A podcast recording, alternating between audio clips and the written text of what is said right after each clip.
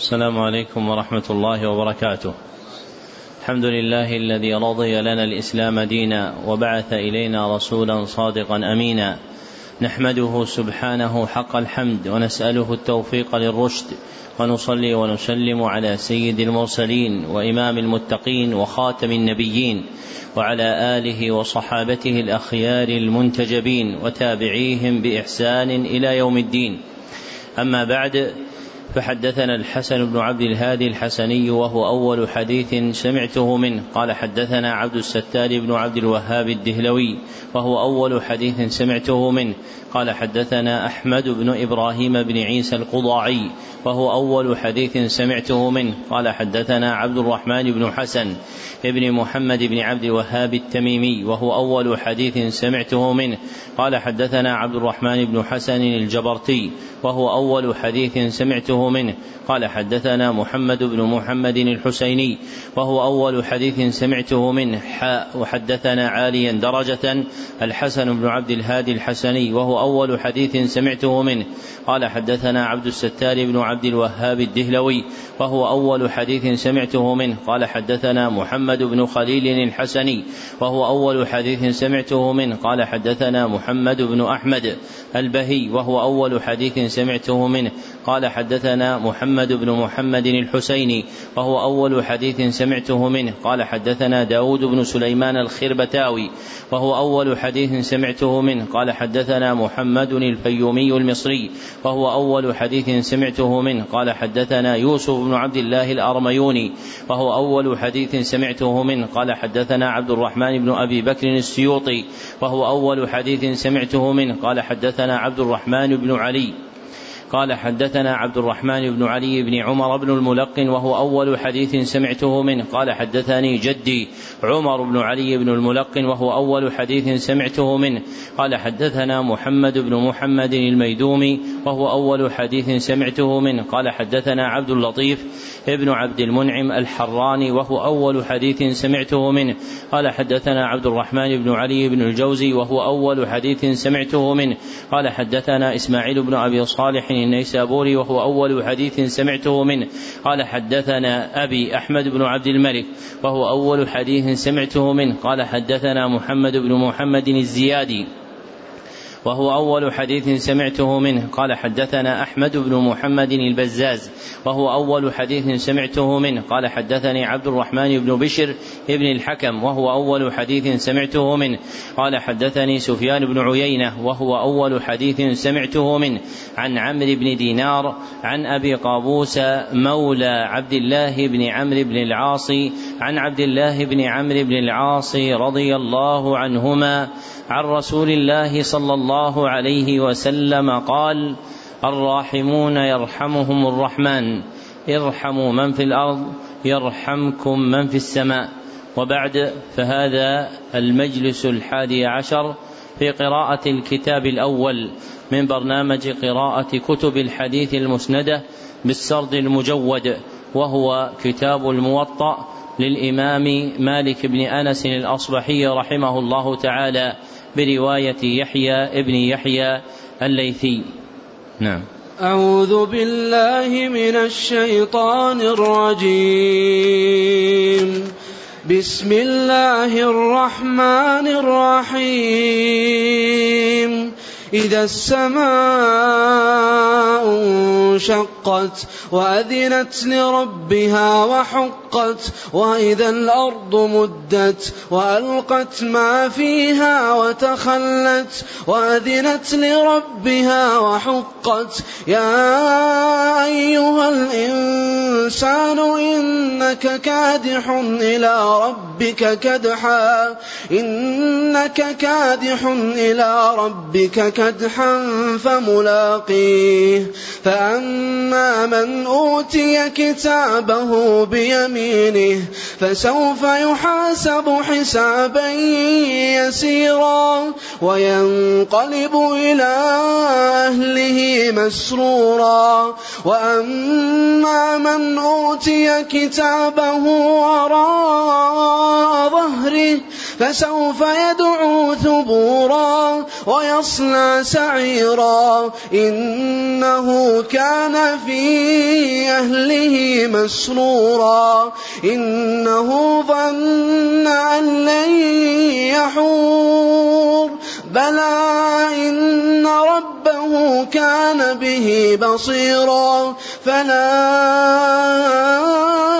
أقسم بالشفق والليل وما وسق والقمر إذا اتسق لتركبن طبقا عن طبق فما لهم لا يؤمنون وإذا قرئ عليهم القرآن لا يسجدون بل الذين كفروا يكذبون. والله أعلم بما يوعون. فبشرهم بعذاب أليم. إلا الذين آمنوا وعملوا الصالحات لهم أجر غير ممنون. الحمد لله رب العالمين وصلى الله على نبينا محمد وعلى آله وصحبه أجمعين. اللهم اغفر لشيخنا ولوالديه ولمشايخه وللحاضرين وللمسلمين أجمعين. أخبركم رحمكم الله محمد الفاضل بن محمد التقلاوي قراءة عليه قال أخبرنا عوض الكريم الرفاعي الأزهري قال أخبرنا أحمد بن محجوب الرفاعي الأزهري وقال أخبرنا أحمد بن أحمد العميري الشباسي قال أخبرنا محمد بن محمد الأمير الكبير إجازة إن لم يكن سماعا. قال أخبرنا علي بن محمد العربي السقاط. قال أخبرنا عبد الله بن سالم البصري المكي. قال أخبرنا عيسى بن محمد الثعالبي. قال أخبرنا سلطان بن أحمد المزاحي. قال أخبرنا أحمد بن خليل السبكي. قال أخبرنا محمد بن أحمد الغيطي. قال أخبرنا عبد الحق بن محمد السنباطي ومحمد بن أحمد النجار.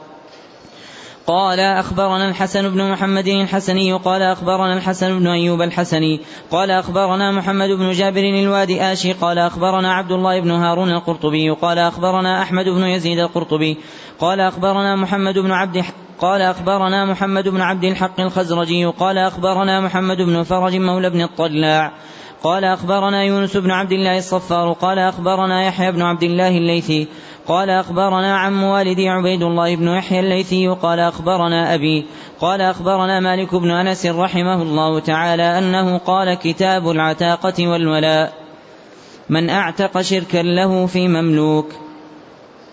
عن نافع عن عبد الله بن عمر رضي الله عنهما أن رسول الله صلى الله عليه وسلم قال من أعتق شركا له في عبد فكان له مال يبلغ ثمن العبد قوم عليه قيمة العدل فأعطي, شر فأعطي شركاؤه حصصهم واعتق عليه العبد وإلا فقد عتق منه ما عتق.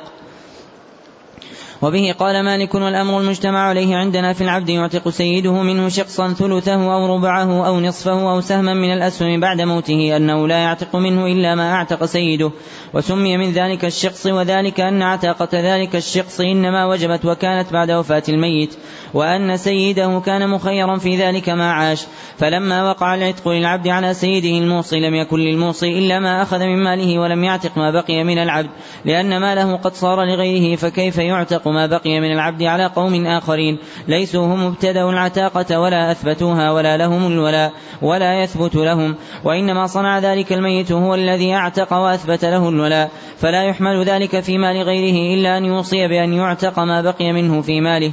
فإن ذلك لازم لشركائه وورثته وليس لشركائه أن يأبوا ذلك عليه وهو في ثلث مال الميت لأنه ليس على ورثته في ذلك ضرر.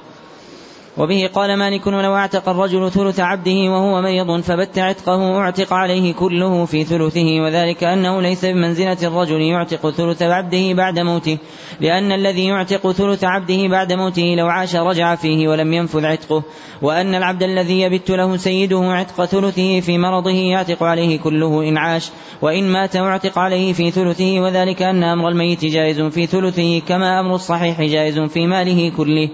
الشرط في العتق. وبه إلى يحيى قال قال مالك ليس من أعتق عبدا له فبت عتقه حتى تجوز شهادته وتتم حرمته ويثبت ميراثه. فليس لسيده أن يشترط عليه مثل ما يشترط على عبده ولا يحيل عليه شيئا من الرق. لأن رسول الله صلى الله عليه وسلم قال من أعتق شركا له في عبد قوم عليه قيمة العدل فأعطي شركاؤه حصصهم وعتق عليه العبد. وبه قال مالك فهو إذا كان له العبد خالصا أحق باستكمال عتاقته ولا يخلطها بشيء من الرق. من أعتق رقيقا لا يملك مالا غيرهم. وبه قال مالك عن يحيى بن سعيد عن غير واحد عن الحسن بن أبي الحسن وعن محمد بن سيرين أن رجلا في زمان رسول الله أن رجلا في زمان رسول الله صلى الله عليه وسلم أعتق عبيدا له ستة عند موته فأسهم رسول الله صلى الله عليه وسلم بينهم فأعتق ثلث تلك العبيد.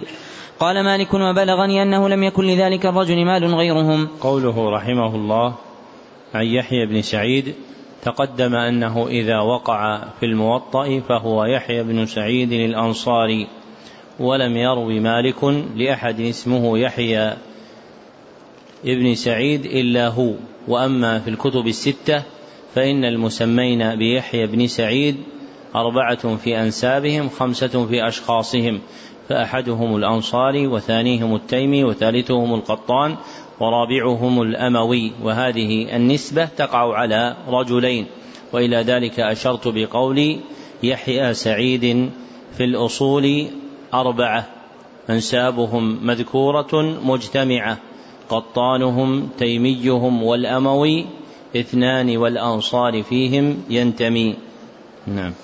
أحسن الله إليكم. وبه قال مالك عن ربيعة بن أبي عبد الرحمن أن رجلا في إمارة أبان بن عثمان أعتق رقيقا له كلهم جميعا فأمر أبان بن عثمان بتلك الرقيق فقسمت أثلاثا ثم أسهم على أيهم يخرج سهم الميت فيعتقون. فوقع السهم على أحد الأثلاث فعتق الثلث الذي وقع عليه السهم.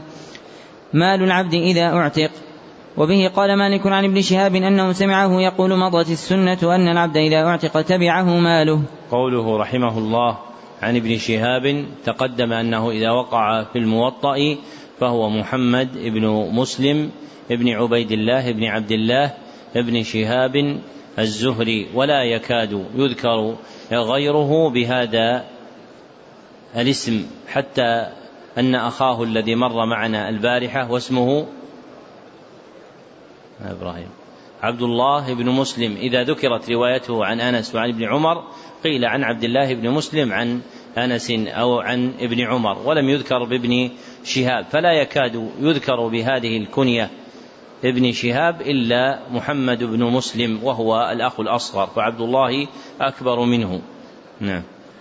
أحسن الله إليكم. وبه قال مالك ومما يبين ذلك أن العبد إذا عتق تبعه ماله أن المكاتب يتبعه ماله وذلك أن عقد الكتابة هو عقد الولاء إذا تم ذلك وليس مال العبد والمكاتب بمنزلة ما كان لهما من ولد. إنما أولادهما بمنزلة رقابهما ليسوا بمنزلة أموالهما لأن السنة التي لا اختلاف فيها أن العبد إذا عتق تبعه ماله ولم يتبعه ولده وأن المكاتب إذا كانت تبعه ماله ولم يتبعه ولده. وبه قال مالك ومما يبين ذلك أيضا أن العبد والمكاتب إذا أفلس أخذت أموالهما وأمهات أولادهما ولم يؤخذ أولادهما لأنهم ليسوا بأموال لهما. وبه قال مالك ومما يبين ذلك أيضا أن العبد إذا بيع واشترط الذي ابتاعه ماله لم يدخل ولده في ماله. وبه قال مالك ومما يبين ذلك أيضا أن العبد إذا جرح أخذ هو وماله ولم يؤخذ ولده. عتق أمهات الأولاد وجامع القضاء في العتاقة.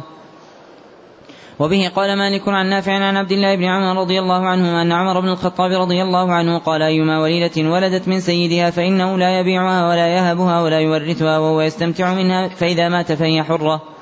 وبه قال مالك أنه بلغه أن عمر بن الخطاب رضي الله عنه أتته وليدة قد ضربها سيدها بنار أو أصابها بها فأعتقها. وبه قال مالك الأمر عندنا أنه لا يجوز عتاقة رجل عليه دين يحيط بماله وأنه لا تجوز عتاقة الغلام حتى يحترم أو يبلغ مبلغ المحترم. ولا يجوز عتاقة المولى عليه ماله وإن بلغ الحلم حتى يلي ماله. ما يجوز من العتق في الرقاب الواجبة. قوله رحمه الله ما يجوز من العتق وتكسر عينه أيضا في الرقاب الواجبة تقدم أن هذه الترجمة من أمهات التراجم التي كررها مالك في موطئه فأوردها نعم. سنت. فأوردها أربع عشرة مرة. وأما بالنفي فأوردها إحدى عشرة مرة. وذكر أحدهم ضابط ذلك قال لأن الحلال المشروع في الشرع أوسع من الحرام الممنوع. نعم. أحسن الله إليكم. وبه قال مالك عن هلال بن أسامة عن عطاء بن يسار عن عمر بن الحكم أنه قال أتيت رسول الله صلى الله عليه وسلم فقلت يا رسول الله إن جارية لي كانت ترعى غنما لي. فجئتها وقد فقدت شاة من الغنم فسألتها عنها فقالت أكلها الذئب فأسفت عليها وكنت من بني آدم فلطمت وجهها وعلي رقبة أفأعتقها. فقال لها رسول الله صلى الله عليه وسلم أين الله؟ فقالت في السماء. فقال من أنا؟ فقالت أنت رسول الله. فقال رسول الله صلى الله عليه وسلم أعتقها. قوله رحمه الله عن عطاء بن يسار تقدم أن هذا الرسم يسار لا يأتي في الموطأ إلا بالياء التحتانية والسين المهملة فليس فيه أحد في اسمه ولا في اسم أبيه بشار بل بشار كما قال الذهبي رحمه الله تعالى في المشتبه نادر في التابعين معدوم في الصحابة. نعم. أحسن الله إليكم. وبه قال مالك عن ابن شهاب عن عبيد الله بن عبد الله بن عتبة بن مسعود أن رجلا من الأنصار جاء إلى رسول الله صلى الله عليه وسلم بجارية له سوداء فقال يا رسول الله إن علي رقبة مؤمنة فإن كنت تراها مؤمنة أعتقتها. قال لها رسول الله صلى الله عليه وسلم أتشهدين أن لا إله إلا الله؟ فقالت نعم. قال أفتشهدين أن محمد رسول الله؟ قالت نعم. قال أتوقنين بالبعث بعد الموت؟ قالت نعم. قال رسول الله صلى الله عليه وسلم أعتقها. وبه قال مالك أنه بلغه عن المقبري أنه قال سئل أبو هريرة رضي الله عنه عن الرجل يكون عليه رقبة هل يعتق فيها ابن سنا فقال أبو هريرة رضي الله عنه نعم ذلك يجزيه. وبه قال مالك أنه بلغه عن فضالة بن عبيد الأنصاري وكان من أصحاب رسول الله صلى الله عليه وسلم أنه سئل عن الرجل يكون عليه رقبة هل يجوز له أن يعتق ولد زنا؟ قال نعم ذلك يجزئ عنه. ما لا يجوز من العتق في الرقاب الواجبة. وبه قال مالك أنه بلغه أن عبد الله بن عمر رضي الله عنهما سئل عن الرقبة الواجبة هل تشترى, هل تشترى بشرط؟ فقال لا. وبه قال مالك وذلك أحسن ما سمعت في الرقاب الواجبة أنه لا يشتريها الذي يعتقها بشرط على أن يعتقها لأنه إذا فعل ذلك فليست برقبة تامة لأنه يضع من ثمنها للذي يشترط من عتقها. وبه قال مالك ولا بأس أن يشتري الرقبة في التطوع ويشترط أنه يعتقها. وبه قال مالك إن أحسن ما سمع في الرقاب الواجبة أنه لا يجوز أن يعتق فيها نصراني ولا يهودي ولا يعتق فيها مكاتب ولا مدبر ولا أم ولد ولا معتق إلا ولا معتق إلى سنين ولا أعمى ولا بأس بأن يعتق النصراني واليهودي والمجوسي تطوعا لأن الله تبارك وتعالى قال في كتابه فإما منا بعد وإما فداء فالمن العتاقة وبه قال مالك فأما الرقاب الواجبة التي ذكر الله في الكتاب فإنه لا يعتق فيها إلا رقبة مؤمنة. وبه قال مالك وكذلك في إطعام المساكين في الكفارات لا ينبغي أن يطعم فيها إلا المسلمون ولا يطعم فيها أحد على غير دين الإسلام. عتق الحي عن الميت. وبه قال مالك عن عبد الرحمن بن أبي عمرة الأنصاري أن أمه أرادت أن توصي ثم أخرت ذلك إلى أن تصبح فهلكت وقد كانت همت بأن تعتق. فقال عبد الرحمن فقلت للقاسم بن محمد ينفعها أن نعتق عنها. فقال القاسم إن سعد بن عبادة رضي الله عنه قال لرسول الله صلى الله عليه وسلم إن أمي هلكت فهل ينفعها أن نعتق عنها. فقال رسول الله صلى الله عليه وسلم نعم. قوله إن سعد بن عبادة تقدم أن عبادة لا يأتي إلا بضم عينه وفتح بائه. واستثنوا من ذلك في أسماء الرواة رجلا واحدا جاء بفتح عينه وبائه. وهو نعم يا أحسنت. وهو محمد بن عبادة الواسطي من شيوخ البخاري رحمه الله تعالى. فإنه بفتح العين خاصة. نعم. أحسن الله إليكم. وبه قال مالك عن يحيى بن سعيد أنه قال توفي عبد الرحمن بن أبي بكر في نوم نامه فأعتقت عنه عائشة رضي الله عنها زوج النبي صلى الله عليه وسلم رقابا كثيرة. قال مالك وهذا أحب ما سمعت إلي في ذلك. فضل الرقاب وعتق زانية وابن زنا. وبه قال مالك عن هشام بن عروة عن أبيه عن عائشة رضي الله عنها زوج النبي صلى الله عليه وسلم أن رسول الله صلى الله عليه وسلم سئل عن الرقاب أيها أفضل؟ فقال رسول الله صلى الله عليه وسلم أغلاها ثمنا وأنفسها عند أهلها. وبه قال مالك عن نافع عن عبد الله بن عمر رضي الله عنهما أنه أعتق ولد زنا وأمه. مصير الولاء لمن أعتق. قوله رحمه الله مصير الولاء لمن أعتق يعني رجوع الولاء لمن أعتق. يعني رجوع الولاء لمن أعتق فيرد إليه ويجعل له فيرد إليه ويجعل له. نعم. أحسن الله إليكم. وبه قال مالك عن هشام بن عروة عن أبيه عن عائشة رضي الله عنها زوج النبي صلى الله عليه وسلم أنها قالت جاءت بريرة فقالت إني كتبت أهلي على تسع أواق في كل عام أوقية فأعينيني. فقالت عائشة رضي الله عنها إن أحب أهلك أن أعدها لهم عددتها ويكون لي ولاؤك فعلت. فذهبت بريرة إلى أهلها فقالت لهم ذلك فأبوا عليها فجاءت من عند أهلها ورسول الله صلى الله عليه وسلم جالس. فقالت لعائشة رضي الله عنها إني قد عرضت عليهم ذلك فأبوا علي إلا أن يكون الولاء لهم. فسمع ذلك رسول الله صلى الله عليه وسلم فسألها فأخبرته عائشة رضي الله عنها فقال رسول الله صلى الله عليه وسلم خذيها واشترطي لهم الولاء فإنما الولاء لمن أعتق ففعلت عائشة. ثم قام رسول الله صلى الله عليه وسلم في الناس فحمد الله وأثنى عليه ثم قال أما بعد ما بال فما بال رجال يشترطون شروطا ليست في كتاب الله ما كان من شرط ليس في كتاب الله فهو باطل وإن كان مئة شرط قضاء الله أحق وشرط الله أوثق وإنما الولاء لمن أعتق. وبه قال مالك عن نافع عن عبد الله بن عمر أن عائشة رضي الله عنها أم المؤمنين أرادت أن تشتري جارية تعتقها فقال أهلها نبيعكها على أن ولاءها لنا. فذكرت ذلك لرسول الله صلى الله عليه وسلم فقال لا يمنعك ذلك فإنما الولاء لمن أعتق.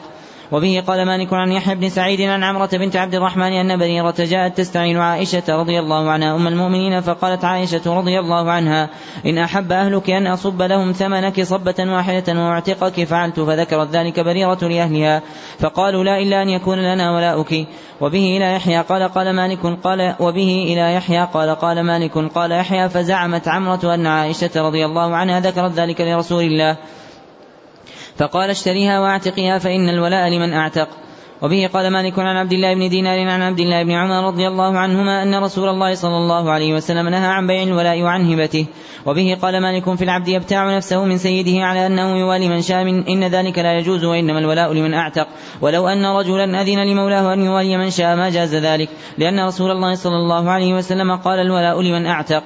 ونهى رسول الله صلى الله عليه وسلم عن بيع الولاء وعن هبته فإذا جاز لسيده أن يشترط ذلك له وأن يأذن له أن يوالي من شاء فتلك الهبة. جر العبد جر العبد الولاء إذا أعتق. قوله رحمه الله جر العبد الولاء إذا أعتق أي نقله إلى غيره. أي نقله إلى غيره. ممن ينسل منه. نقله إلى غيره ممن ينسل منه من ذريته. أحسن الله إليكم. وبه قال مالك عن ربيعة بن أبي عبد الرحمن أن الزبير بن العوام رضي الله عنه اشترى عبدا فاعتقه ولذلك العبد ولذلك العبد بنون من امرأة حرة فلما اعتقه الزبير قال هم موالي. وقال موالي أمهم بل هم موالينا فاختصموا إلى عثمان بن عفان رضي الله عنه فقضى, فقضى عثمان للزبير بولائهم. وبه قال مالك أنه بلغه أن سعيد بن المسيب سئل عن عبد له ولد من, من امرأة حرة لمن ولاؤهم. فقال سعيد إن مات أبوهم وهو عبد لم يعتق فولاؤهم لموالي أمهم. وبه قال مالك ومثل ذلك ولد الملاعنة من الموالي ينسب إلى موالي أمه فيكونون هم مواليه إن مات ورثوه. وإن جر جريرة عقلوا عنه فإن اعترف به أبوه ألحق به وصار ولاؤه إلى موالي أبيه. وكان ميراثه لهم وعقله عليهم وجلد أبوه الحد وبه قال مالك وكذلك المرأة الملاعنة من العرب إذا اعترف زوجها الذي لعنها بولدها صار بمثل هذه المنزلة إلا أن بقية ميراثه بعد ميراث أمه وإخوته لعامة المسلمين ما لم يلحق بأبيه. وإنما ورث ولد الملاعنة المولاة موالي أمه قبل أن يعترف به أبوه لأنه لم يكن له نسب من العصبة فلما ثبت نسبه صار إلى عصبته. وبه قال مالك الأمر المجتمع عليه عندنا في ولد الم في ولد العبد من امرأة حرة وأبو العبد حر أن الجد أبا العبد يجر ولاء ولد ابنه الأحرار من امرأة حرة يرثهم ما دام أبوهم عبدا فإن عتق أبوهم رجع الولاء إلى مواليه وإن مات وهو عبد كان الميراث والولاء للجد وإن, وإن العبد كان له ابنان حران فمات أحدهما وأبوه عبد جر الجد أبو الأب جر الجد أبو الأب الولاء والميراث وبه قال مالك في الأمة تعتق وهي حامل وزوجها مملوك ثم يعتق زوجها قبل أن تضع حملها أو بعدما تضع. إن ولاء ما كان في بطنها للذي أعتق أمه لأن ذلك الولد قد كان أصابه الرق قبل أن تعتق أمه وليس هو بمنزلة الذي تحمل أمه به بعد العتاقة لأن الذي تحمل به أمه بعد العتاقة إذا عتق أبوه جر ولاءه. وبه قال مالك في العبد يستأذن سيده أن يعتق عبدا له فيأذن له سيده. إن ولاء المعتق لسيد العبد لا يرجع ولاؤه إلى سيده الذي اعتقه وإن عتق. ميراث الولاء. وبه قال مالك عن عبد الله بن أبي بكر عن عبد الملك بن أبي بكر بن عبد الح... عن, أب... عن عبد الملك بن أبي بكر بن عبد الرحمن بن الحارث بن هشام عن أبيه. عن عبد الملك بن أبي بكر بن عبد عن عبد الملك بن. بن أبي بكر بن عبد الرحمن بن الحارث بن هشام عن أبيه أنه أخبره أن العاصي بن هشام هلك وترك بنين له ثلاثة اثنان لأم ورجل لعلة فهلك أحد اللذين لأم وترك مالا وموالي لعلة ورجل لعلة أحسن الله إليكم. وترك بنين له ثلاثة اثنان لأم ورجل لعله. فهلك أحد اللذين لأم وترك مالا ومواليه فورثه أخوه لأبيه وأمه ماله ومواليه ثم هلك الذي ورث المال وولاء الموالي. وترك ابنه وأخاه لأبيه فقال ابنه قد أحرزت ما كان أبي أحرز من المال وولاء الموالي. وقال أخوه ليس كذلك إنما أحرزت المال وأما ولاء, وأما ولاء الموالي فلا. أرأيت لو هلك أخي اليوم ألست أرثه أنا. فاختصما إلى عثمان بن عفان رضي الله عنه فقضى لأخيه بولاء الموالي. وبه قال مالك عن عبد الله بن أبي بكر بن حزم أنه أخبره أبوه أنه كان جالسا عند أبان بن عثمان فاختصم إليه نفر من جهينة ونفر من بني الحارث بن الخزرج. وكانت امرأة من جهينة عند رجل من بني الحارث بن الخزرج يقال له إبراهيم بن كليب. فماتت المرأة وتركت مالا ومواليا فورث ابن فورثها ابنها وزوجها. ثم مات ابنها فقال ورثته لنا ولاء الموالي قد كان ابنها أحرزه. فقال الجهنيون ليس كذلك إنما هم موالي صاحبتنا. فإذا مات ولدها فلنا ولاؤهم ونحن نرثهم. فقضى أبان بن عثمان للجهنيين بولاء الموالي. وبه قال مالك أنه بلغه أن سعيد بن المسيب قال في رجل هلك وترك بنينا له ثلاثة وترك موالي اعتقهم هو أعتاقة ثم إن الرجلين من بنيه هلكا. وترك أولادا فقال سعيد بن المسيب يرث الموالي الباقي من الثلاثة. فإذا هلك هو فولده وولد أخويه من وولد أخويه في الموالي شرع سواء. ميراث السائبة وولاء من أعتق اليهودي أو النصراني. قوله رحمه الله ميراث السائبة. السائبة هو العبد يعتقه سيده ويرسل له ولاءه. هو العبد يعتقه سيده ويرسل له ولاءه. أي لا يريد منه أن يواليه بل يوالي من شاء. نعم. أحسن الله إليكم. وبه قال مالك أنه سأل ابن شهاب عن السائبة فقال يوالي من شاء فإن مات ولم يوالي أحدا فميراثه للمسلمين وعقله عليهم. وبه قال مالك إن أحسن ما سمع في السائبة أنه لا يوالي أحدا وأن ميراثه للمسلمين وعقله عليهم. وبه قال مالك في اليهودي والنصراني يسلم عبد أحدهما فيعتقه قبل أن يباع عليه إن ولاء العبد المعتق للمسلمين وإن أسلم اليهودي أو بعد ذلك لم يرجع إليه الولاء أبدا. قال مالك ولكن إذا أعتق اليهودي أو النصراني عبدا على دينهما ثم أسلم المعتق قبل أن يسلم اليهودي أو النصراني الذي أعتقه ثم أسلم الذي أعتقه رجع إليه الولاء لأنه قد كان ثبت له الولاء يوم أعتقه. وبه قال مالك وإن كان للنصراني أو اليهودي ولد مسلم ورث مولى أبيه اليهودي أو النصراني إذا أسلم المولى المعتق قبل أن يسلم الذي أعتقه. وإن كان المعتق حين اعتق مسلما لم يكن لولد النصراني أو اليهودي المسلمين من ولاء العبد المسلم شيء لأنه ليس لليهودي ولا للنصراني ولاء فولاء العبد المسلم لجماعة المسلمين. كمل كتاب العتاقة والحمد لله حق حمده وصلى الله على محمد نبيه وعلى آله. كتاب المكاتب. بسم الله الرحمن الرحيم. صلى الله على محمد وعلى آله وسلم. القضاء في المكاتب. وبه قال مالك عن نافع أن عبد الله بن عمر رضي الله عنهما كان يقول المكاتب عبد ما بقي عليه من مكاتبته شيء. وبه قال مالك أنه بلغ أحسن الله إليكم. وبه قال مالك عن نافع أن عبد الله بن عمر رضي الله عنهما كان يقول المكاتب عبد ما بقي عليه من كتابته شيء. وبه قال مالك أنه بلغه أن عروة بن الزبير وسليمان بن يسار كان يقولان المكاتب عبد ما بقي عليه من كتابته شيء. وبه لا يحيى قال قال مالك وهو رأيي وبه قال مالك فإن هلك المكاتب وترك مالا أكثر مما بقي عليه من كتابته وله ولد ولدوا في كتابته أو كاتب عليهم ورثوا ما بقي من المال بعد قضاء كتابته. وبه قال مالك عن حميد بن قيس المكي أن مكاتبا كان لابن المتوكل هلك بمكة وترك عليه بقية من كتابته وديونا للناس وترك ابنته فأشكل على عامل مكة القضاء فيه فكتب إلى عبد الملك بن مروان يسأله عن ذلك فكتب إليه عبد الملك أن ابدأ بديون الناس ثم اقض ما بقي من كتابته ثم اقسم ما بقي من ماله بين ابنته ومولاه. قوله رحمه الله عن حميد بن قيس تقدم أن حميدا لا يقع في كتب الرواية المتقدمة إلا مصغرا وليس فيها حميد سواء كان ذلك في الأسماء كحميد بن قيس أو حميد بن أبي حميد الطويل وكلاهما من ممن روى مالك حديثه أو كان في الكنى كأبي حميد الساعدي وتقدم حديثه في الموطأ. نعم.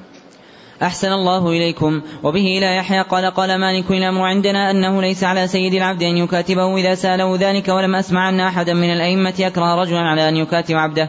وقد سمعت بعض أهل العلم إذا سئل عن ذلك فقيل له إن الله يقول فكاتبوهم إن علمتم فيهم خيرا يتلو هاتين الآيتين وإذا حللتم فاصطادوا وقوله فإذا, قضي فإذا قضيت الصلاة فانتشروا في الأرض وابتغوا من فضل الله قال مالك فإنما ذلك أمر أذن الله فيه للناس وليس عليهم بواجب وبه قال مالك وسمعت بعض أهل العلم يقول في قول الله تبارك وتعالى في كتابه وآتوهم من مال الله الذي آتاكم إن ذلك أن يكاتب الرجل غلامه ثم يضع عنه من آخر كتابته شيئا مسمى.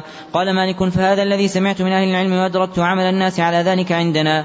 وبه قال مالك وقد بلغني أن عبد الله بن عمر رضي الله عنهما كاتب غلاما له على خمسة وثلاثين ألف درهم ثم وضع عنه, ثم وضع عنه من آخر كتابته خمسة آلاف درهم. وبه قال مالك الأمر عندنا أن المكاتب إذا كاتبه إذا كاتبه سيده تبعه ماله ولم يتبعه ولده إلا أن يشترطهم في كتابته.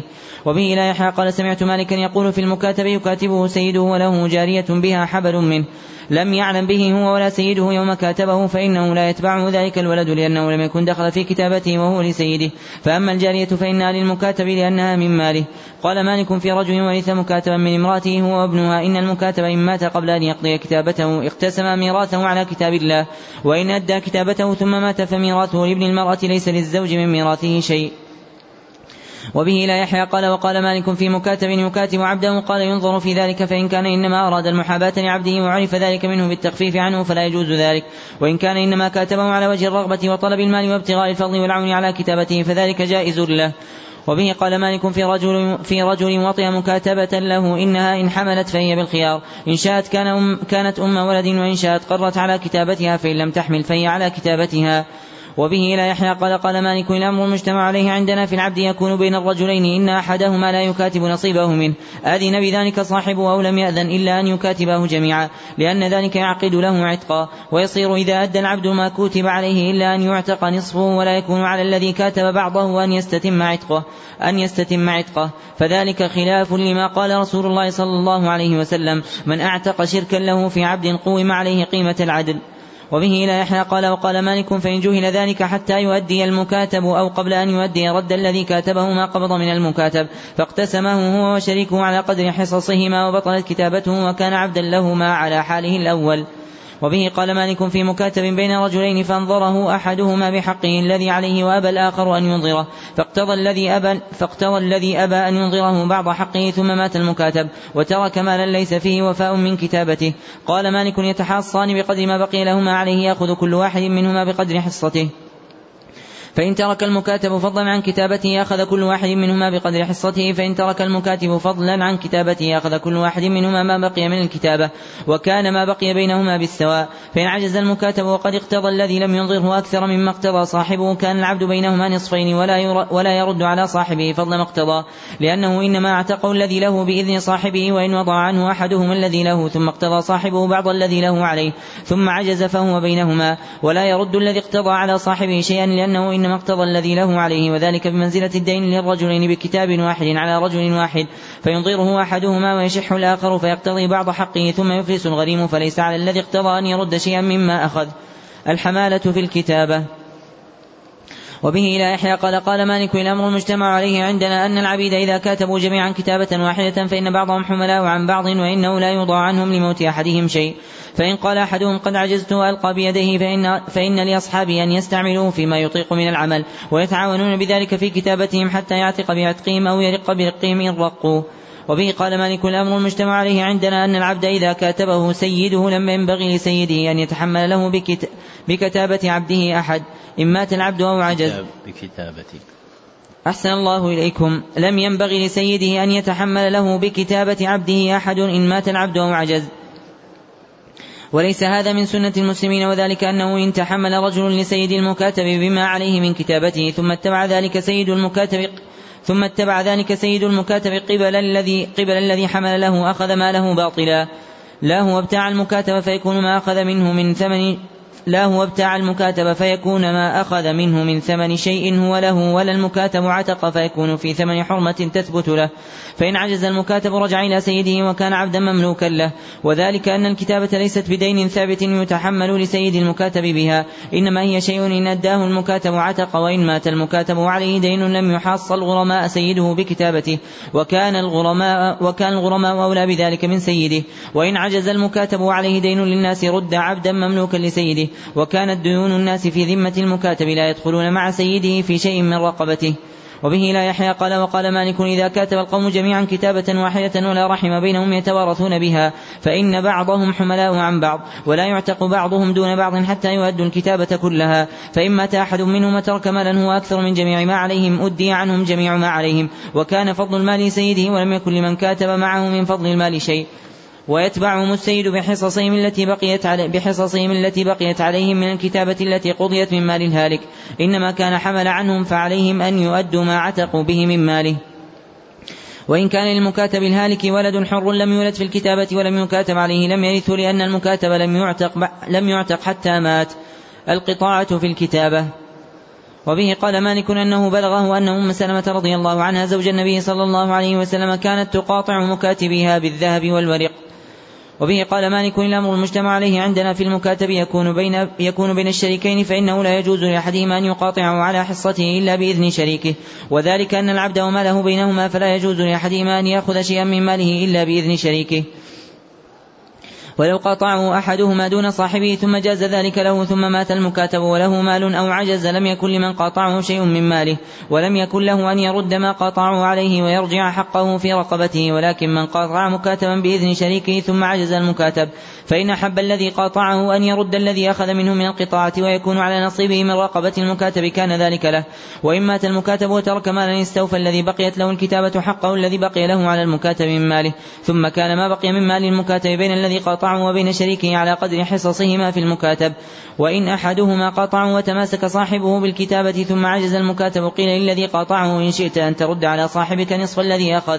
ويكون العبد بينكما بشطرين وإن أبيت فجميع العبد للذي تمسك بالرق خالصا. وبه قال مالك في المكاتب يكون بين الرجلين فيقاطعه أحدهما بإذن صاحبه ثم يقبض الذي تمسك بالرق مثل ما قاطع عليه صاحبه أو أكثر من ذلك. ثم يعجز المكاتب قال مالك فهو بينهما لأنه إنما اقتضى الذي له عليه. وإن اقتضى أقل مما أخذ الذي قاطعه ثم عجز المكاتب فأحب الذي قاطعه أن يرد على صاحبه نصف ما نصف ما يفضله به ويكون العبد بينهما نصفين فذلك له. وإن أبى فجميع العبد الذي لم يقاطعه وإن مات المكاتب وترك مالا فأحب الذي قاطعه أن يرد على صاحبه نصف ما تفضله به ويكون الميراث بينهما فذلك له. وإن كان الذي تمسك بالكتاب بالكتابة قد أخذ مثل ما قاطع عليه شريكه أو أفضل فالميراث بينهما لأنه إنما أخذ حقه. وبه قال مالك في المكاتب يكون بين الرجلين فيقاطع أحدهما على نصف حقه بإذن صاحبه ثم يقبض الذي تمسك بالرق أقل مما قاطع عليه صاحبه ثم يعجز المكاتب. قال مالك إن أحب الذي قاطع العبد أن يرد على صاحبه نصف ما تفضله به كان العبد بينهما بشطرين. وإن أبى أن يرد فالذي تمسك بالرق حصة صاحبه الذي كان قاطع عليه المكاتب. وبه قال مالك وتفسير ذلك أن وبه قال مالك وتفسير ذلك أن العبد يكون بينهما شطرين فيكاتبانه جميعا ثم يقاطع أحدهما المكاتب على نصف حقه بإذن صاحبه وذلك الربع من جميع العبد ثم يعجز المكاتب فيقال للذي قاطعه إن شئت فاردد على صاحبك نصف ما تفضلته به. ويكون العبد بينكما شطرين وإن أبى كان للذي تمسك بالكتابة ربع صاحبه الذي قاطع المكاتب عليه خالصا وكان له نصف العبد فذلك ثلاثة أرباع العبد وكان للذي قاطع ربع العبد لأنه أبى أن يرد ثمن ربعه الذي قاطع عليه. وبه قال مالك في المكاتب يقاطعه سيده فيعتق ويكتب عليه ما بقي من قطاعته دينا عليه ثم يموت المكاتب عليه دين للناس. قال مالك فإن سيده لا يحاص غرماءه بالذي له عليه من قطاعته ولغرمائه أن يبدأوا عليه. وبه قال مالك ليس للمكاتب أن يقاطع سيده إذا كان عليه دين للناس فيعتق ويصير لا شيء له لأن أهل الدين أحق بماله من سيده فليس ذلك بجائز له. وبه قال مالك الأمر عندنا في الرجل يكاتب عبده ثم يقاطعه بالذهب فيضع عنه مما عليه من الكتابة على أن يعجل له ما قطعه عليه أنه ليس بذلك بأس. وإنما كره ذلك من كرهه لأنه أنزله بمنزلة الدين يكون للرجل على الرجل فيضع عنه وينقده وليس هذا مثل الدين. إنما كانت قطاعة المكاتب سيده على أن يعطيه مالا في أن يتعجل العتق فيجب له الميراث والشهادة والحدود. وتثبت له حرمة العتاقة ولم يشتري دراهم بدراهم. ولا ذهبا بذهب وإنما مثل ذلك مثل رجل قال لغلامه ائتني بكذا وكذا دينارا وأنت حر فوضع عنه من ذلك فقال إن جئتني بأقل من ذلك فأنت حر فليس هذا دينا ثابتا ولو كان دينا ثابتا لحاص به السيد غرماء المكاتب إذا مات أو أفلس فدخل معهم في مال مكاتبه. جراح المكاتب. وبه إلى يحيى قال قال مالك أحسن ما سمعت في المكاتب يجرح الرجل جرحا يقع. وبه إلى يحيى قال قال مالك أحسن ما سمعت في المكاتب يجرح الرجل جرحا يقع فيه العقل عليه. يجرح الرجل يجرح الرجل جر رجلا. يجرح الرجل جرحا يقع فيه العقل عليه أن المكاتب إن قوي على أن يؤدي عقل ذلك الجرح مع كتابته أداه وكان على كتابته فإن لم يقو على ذلك فقد عجز عن كتابته وذلك أنه ينبغي أن يؤدي عقل ذلك الجرح قبل الكتابة فإن هو عجز عن أداء عقل ذلك الجرح خير سيده فإن أحب أن يؤدي عقل ذلك الجرح فعل وأمسك غلامه وصار عبدا مملوكا وإن شاء أن يسلم العبد إلى المجروح أسلمه وليس على السيد أكثر من أن يسلم عبده. وبه إلى يحيى قال قال مالك في القوم يكاتبون جميعا فيجرح أحدهم جرح فيجرح أحدهم جرحا فيه عقل. قال مالك من جرح منهم جرحا فيه عقل. قيل له وللذين معه في الكتابة يجرح أحدهم. فيجرح. أحسن الله إليكم. وبه إلى يحيى قال قال مالك في القوم يكاتبون جميعا فيجرح أحدهم جرحا. فيه عقل قال مالك من جرح منهم جرحا فيه عقل قيل له وللذين معه في الكتابة أدوا جميعا عقل ذلك الجرح فإن أدوه ثبتوا على كتابتهم وإن لم يؤدوه فقد عجزوا ويخير سيدهم فإن شاء أدى عقل ذلك الجرح ورجعوا عبيدا له جميعا وإن شاء أسلم الجارح وحده ورجع الآخرون عبيدا له جميعا بعجزهم عن أداء عقل ذلك الجرح الذي جرح صاحبهم وبه قال مالك الأمر الذي لا اختلاف فيه عندنا أن المكاتب إذا أصيب بجرح يكون له فيه عقل أو أصيب أحد من ولد المكاتب الذين معه في كتابته. فإن عقلهم عقل العبيد في قيمتهم وأن ما أخذ لهم من عقلهم يدفع إلى سيدهم الذي يدفع إلى سيدهم الذي له الكتابة. ويحسب ذلك للمكاتب في آخر كتابته فيوضع عنه ما أخذ سيده من دية جرحه. وبه قال مالك وتفسير ذلك أنه كأنه كاتبه على ثلاثة آلاف درهم وكان دية جرحه الذي أخذ سيده ألف درهم فإذا أدى المكاتب إلى سيده ألف درهم فهو حر. وإن كان الذي بقي عليه من, من كتابته ألف درهم وكان الذي أخذ من دية جرحه ألف درهم فقد عتق. وإن كان عقل جرحه أكثر مما بقي على المكاتب أخذ, أخذ سيد المكاتب ما بقي من كتابته وعتق. وكان ما فضل بعد أداء كتابته للمكاتب. ولا ينبغي أن يدفع إلى المكاتب شيء من دية جرحه فيأكله ويستهلكه فإن عجز رجع إلى سيده أعوره مقطوع اليد أو معضوب الجسد وإنما, كتب وإنما كاتبه سيده على ماله وكسبه ولم يكاتبه على أن يأخذ ثمن ولده ولا ما أصيب من عقل جسده فيأكله ويستهلكه ولكن عقل جراحات المكاتب وولده الذين ولدوا في كتابته أو كاتب عليهم يدفع إلى سيده ويحسب ذلك له في آخر كتابته. بيع المكاتب. وبه قال مالك إن أحسن ما سمع في الرجل يشتري مكاتب الرجل أنه لا يبيعه إذا كان كاتبه بدنانير أو دراهم إلا بعرض من العروض يعجله ولا يؤخره لأنه إذا أخره كان دينا بدين وقد نهي عن الكالئ بالكالئ. قال وإن كاتب المكاتب سيده بعرض من العروض من الإبل أو البقر أو الغنم أو الرقيق فإنه يصلح للمشتري أن يشتريه بذهب أو فضة أو عرض مخالف للعروض الذي كاتبه سيده عليها. التي فإنه يصلح للمشتري أن يشتريه بذهب أو فضة أو عرض أو عرض مخالف للعروض الذي كاتبه سيد التي التي. التي كاتبه سيده عليها. يعجل ذلك ولا يؤخره. وبه قال مالك أحسن ما سمعت في المكاتب أنه إذا بيع كان أحق باشتراء كتابته ممن اشتراها إذا قوي أن يؤدي إلى سيده الثمن الذي باعه به نقدا. وذلك أن اشتراءه نفسه عتاقة وأن العتاقة تبدأ على ما كان معها من الوصايا. وإن باع بعض من كاتب المكاتب نصيبه منه فباع نصف المكاتب أو ثلثه أو ربعه أو سهما من أسهم المكاتب فليس للمكاتب فيما بيع منه شفعة. وذلك أنه إنما يصير بمنزلة القطاعة وليس له أن يقاطع بعض من كاتبه إلا بإذن شركائه. وأن ما بيع منه ليست له بحر وأن ما بيع منه ليست له به حرية وليست به حرية تامة وأن ماله محجوز عنه وأن اشتراءه بعضه يخاف عليه منه العجز لما يذهب لما يذهب من ماله. وليس ذلك بمنزلة اشتراء المكاتب نفسه كاملا إلا أن يأذن له من بقي له فيه كتابة فإن أذنوا له كان أحق بما بيع منه. وبه قال مالك لا يحل بيع نجم من نجوم المكاتب وذلك أنه غرر إن عجز المكاتب بطل ما عليه وإن مات أو أفلس وعليه ديون للناس لم يأخذ الذي اشترى نجمه بحصته مع غرمائه. وإنما الذي يشتري نجما من نجوم المكاتب بمنزلة سيد المكاتب فسيد المكاتب لا يحاص بكتابة غلامه غرماء المكاتب. وكذلك الخراج أيضا يجتمع له على غلمائه فلا يحاص بما اجتمع له من الخراج غرماء غلمائه غرماء غلامه. وبه قال مالك لا بأس بأن يشتري, يشتري المكاتب كتابته بعين أو عرض مخالف لما كتب به من العين أو العرض أو غير مخالف معجل أو مؤخر. وبه قال مالك في المكاتب يهلك ويترك أم ولد وولدا له صغارا منها أو من غيرها فلا يقوون على السعي فلا يقوون على السعي ويخاف عليهم العجز عن كتابتهم. قال تباع أم ولد أبيهم إذا كان في ثمنها ما يؤدى به عنه عنهم جميع كتابتهم. أمهم كانت أو غير أمهم يؤدى عنهم ويعتقون لأن أباهم كان لا يمنع بيعها إذا خاف العجز عن كتابته فهؤلاء إذا خيف عليهم العجز بيعت أم ولد أبيهم فودي عنهم فإن لم يكن في ثمنها ما يؤدى عنهم ولم تقوى هي ولا هم على السعي رجعوا جميعا رقيقا لسيدهم. وبه قال مالك الأمر عندنا في الذي يبتاع كتابة المكاتب ثم يهلك المكاتب قبل أن يؤدي كتابته أنه يرثه الذي اشترى كتابته وإن عجز فله رقبته وإن أدى المكاتب كتابته إلى الذي اشتراها منه وعتق فولاؤه للذي عقد كتابته ليس للذي اشترى كتابته من ولائه شيء. ما جاء في سعي المكاتب. وبه قال مالك أنه بلغه أن عروة بن الزبير وسليمان بن يسار سئل عن رجل كاتب على نفسه وعلى بنيه ثم مات. هل يسعى بنو المكاتب في كتابة أبيهم أم هم عبيد؟ فقال بل يسعون في كتابة أبيهم ولا يوضع عنهم لموت أبيهم شيء.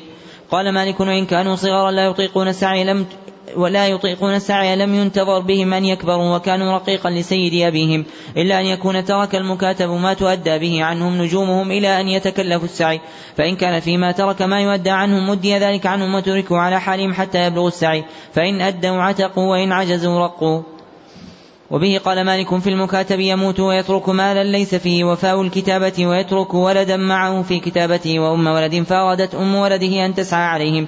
إنه يدفع إليها المال إذا كانت مأمونة على ذلك قوية على السعي. وإن لم تكن قوية على السعي ولا مأمونة على المال لم تعط شيئا من ذلك ورجعت هي وولد المكاتب لسيد المكاتب.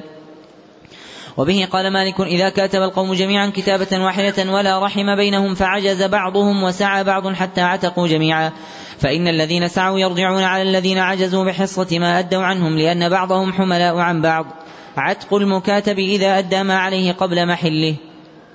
وبه قال مالك أنه سمع ربيعة بن أبي عبد الرحمن وغيره يذكرون أن مكاتبا كان للفرافصة بن عمير الحنفي وأنه عرض عليه أن يدفع إليه جميع ما عليه من كتابته. فأبى الفرافصة فأتى المكاتب مروان بن الحكم وهو أمير المدينة فذكر ذلك له فدعا مروان فرافص فدعا مروان فرافصة فقال له ذلك فأبى, فأبى فأمر مروان بذلك المال أن يقبض فدعا. فدعا مروان فرافصة نعم. فقال له ذلك فأبى فأمر مروان بذلك المال أن يقبض من المكاتب. فوضع في بيت المال وقال للمكاتب اذهب فقد عتقت فلما رأى ذلك الفرافصة قبض المال. وبه قال مالك فالأمر عندنا أن المكاتب إذا أدى جميع ما عليه من نجومه قبل محلها جاز ذلك له ولم يكن لسيده أن يأبى ذلك عليه وذلك أنه يضع عن المكاتب بذلك كل شرط أو خدمة أو سفر لأنه لا تتم عتاقة رجل وعليه بقية من رق ولا تتم حرمته ولا تجوز شهادته ولا يجب ميراثه ولا أشبه هذا من أمره ولا ينبغي لسيده أن يشترط عليه خدمة بعد عتاقة.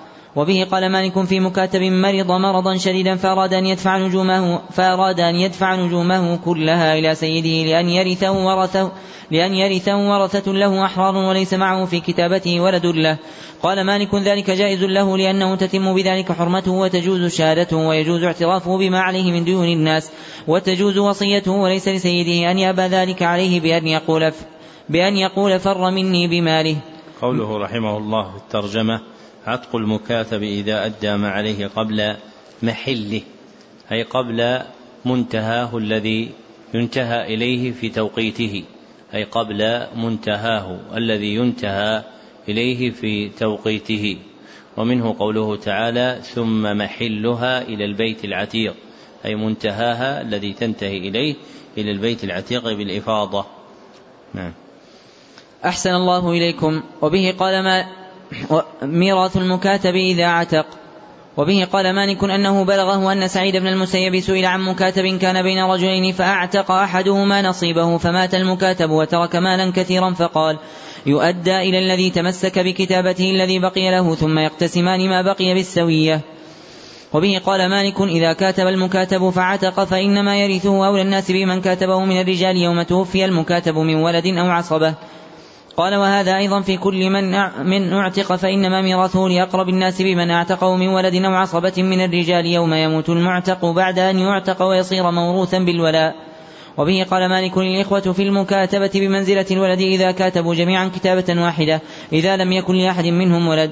إذا لم يكن لأحد منهم ولد كاتب عليهم أو, ولد أو ولدوا في كتابته فإن الإخوة يتوارثون فإن كان لأحدهم منهم ولد ولدوا في كتابته أو كاتب عليهم ثم هلك أحدهم وترك مالا أدي عنهم جميع ما عليهم من كتابتهم وعتقوا وكان فضل المال بعد ذلك لولده دون إخوته.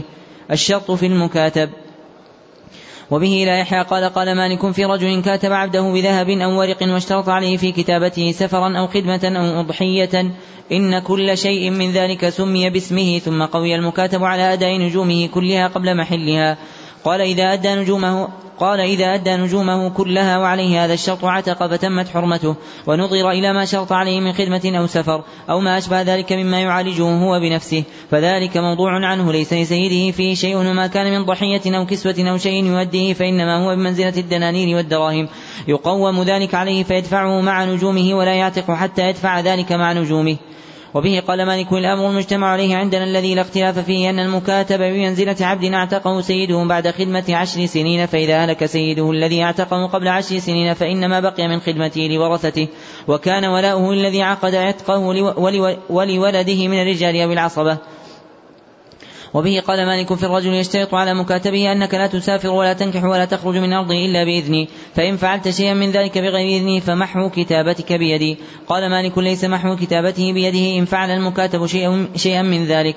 وليرفع سيده ذلك إلى السلطان. وليس للمكاتب أن يسافر ولا ينكح ولا يخرج من أرض سيده إلا بإذنه. اشترط ذلك أو لم يشترطه وذلك أن الرجل يكاتب عبده بمائة دينار. وله ألف دينار أو أكثر من ذلك فينطلق فينكح المرأة فيصدقها الصداق الذي يجحف بماله.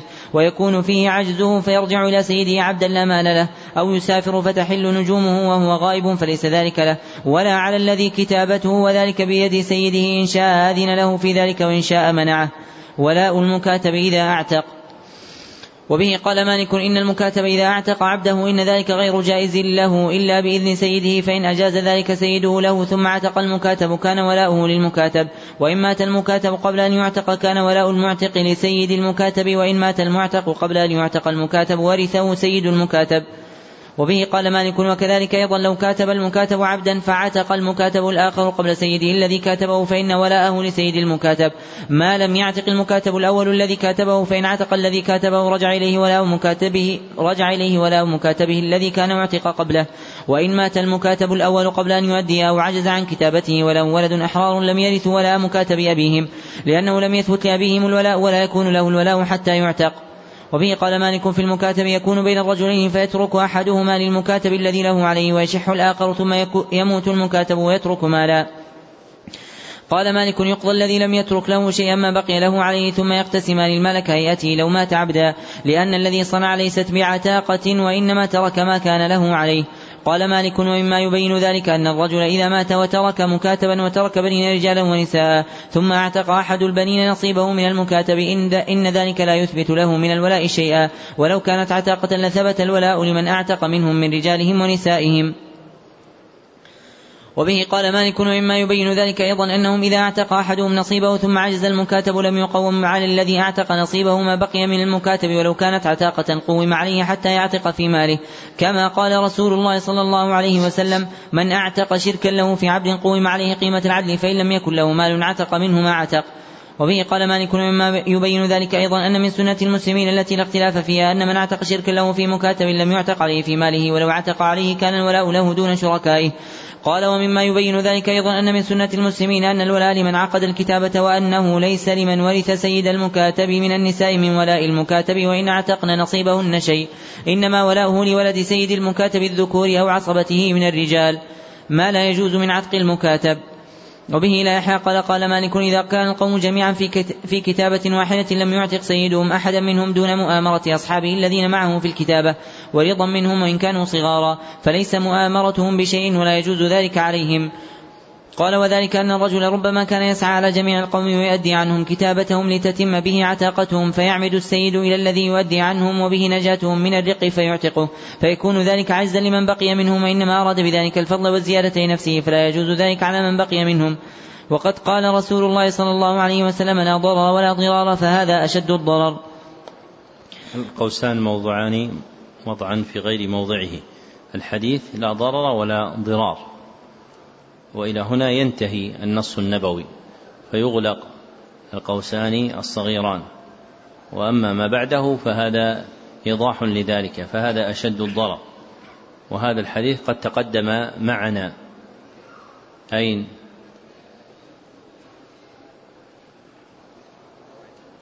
إيش؟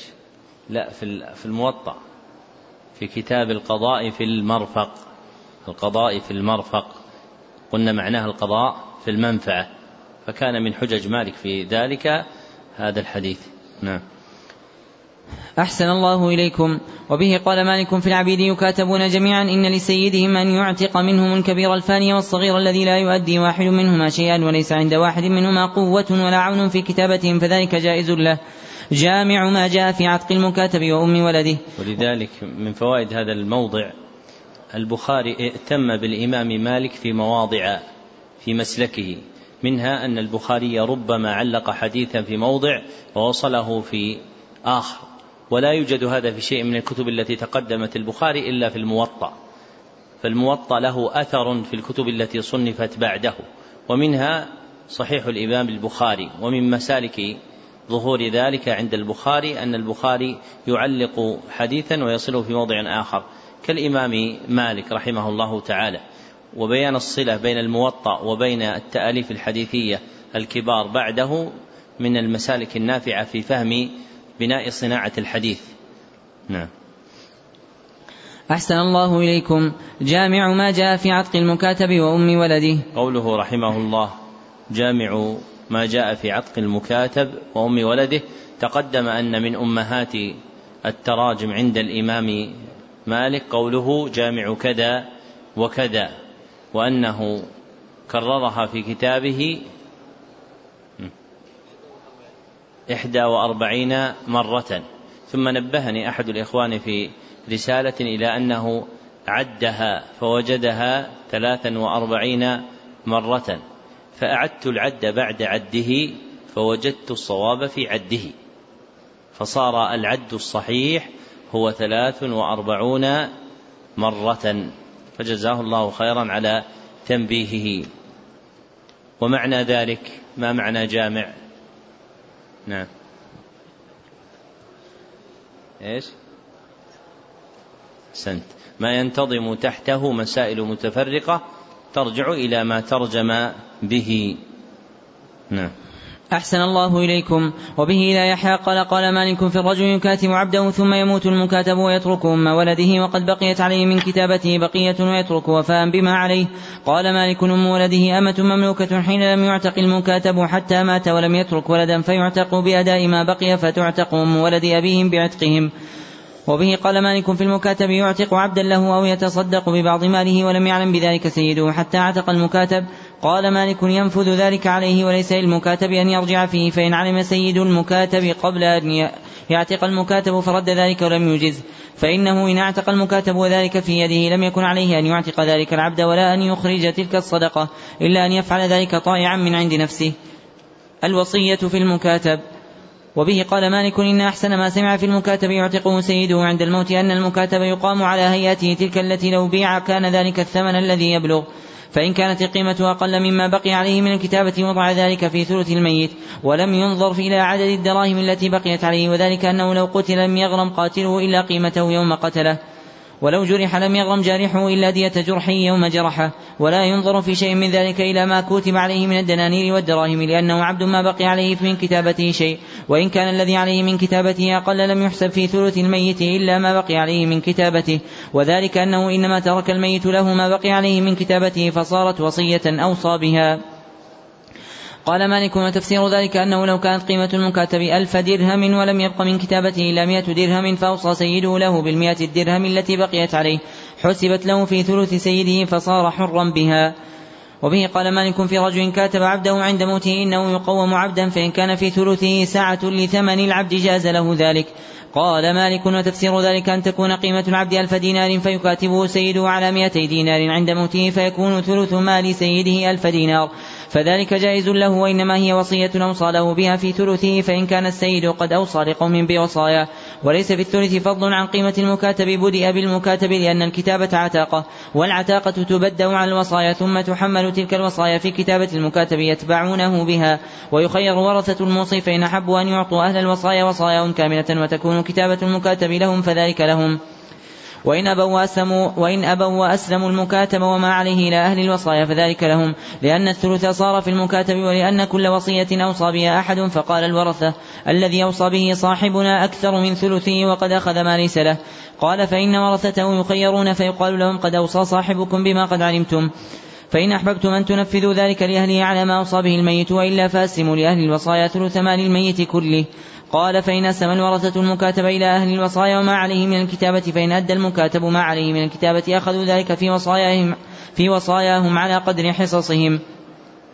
وإن عجز المكاتب كان عبدا لأهل الوصايا لا يرجع إلى أهل الميراث لأنهم تركوه حين خيروا حين خيروا. ولأن, ولأن أهل الوصايا حين أسلم إليهم ضمنوه فلو مات لم يكن لهم على الورثة شيء. وإن مات المكاتب قبل أن يؤدي كتابته وترك مالا هو أكثر مما عليه فماله لأهل الوصايا. فإن أدى المكاتب ما عليه عتق ورجع ولاؤه إلى عصبة الذي الذي عقد كتابته. وبه قال مالك في المكاتب يكون لسيده عليه عشرة آلاف درهم فيضع عنه عند موته ألف درهم.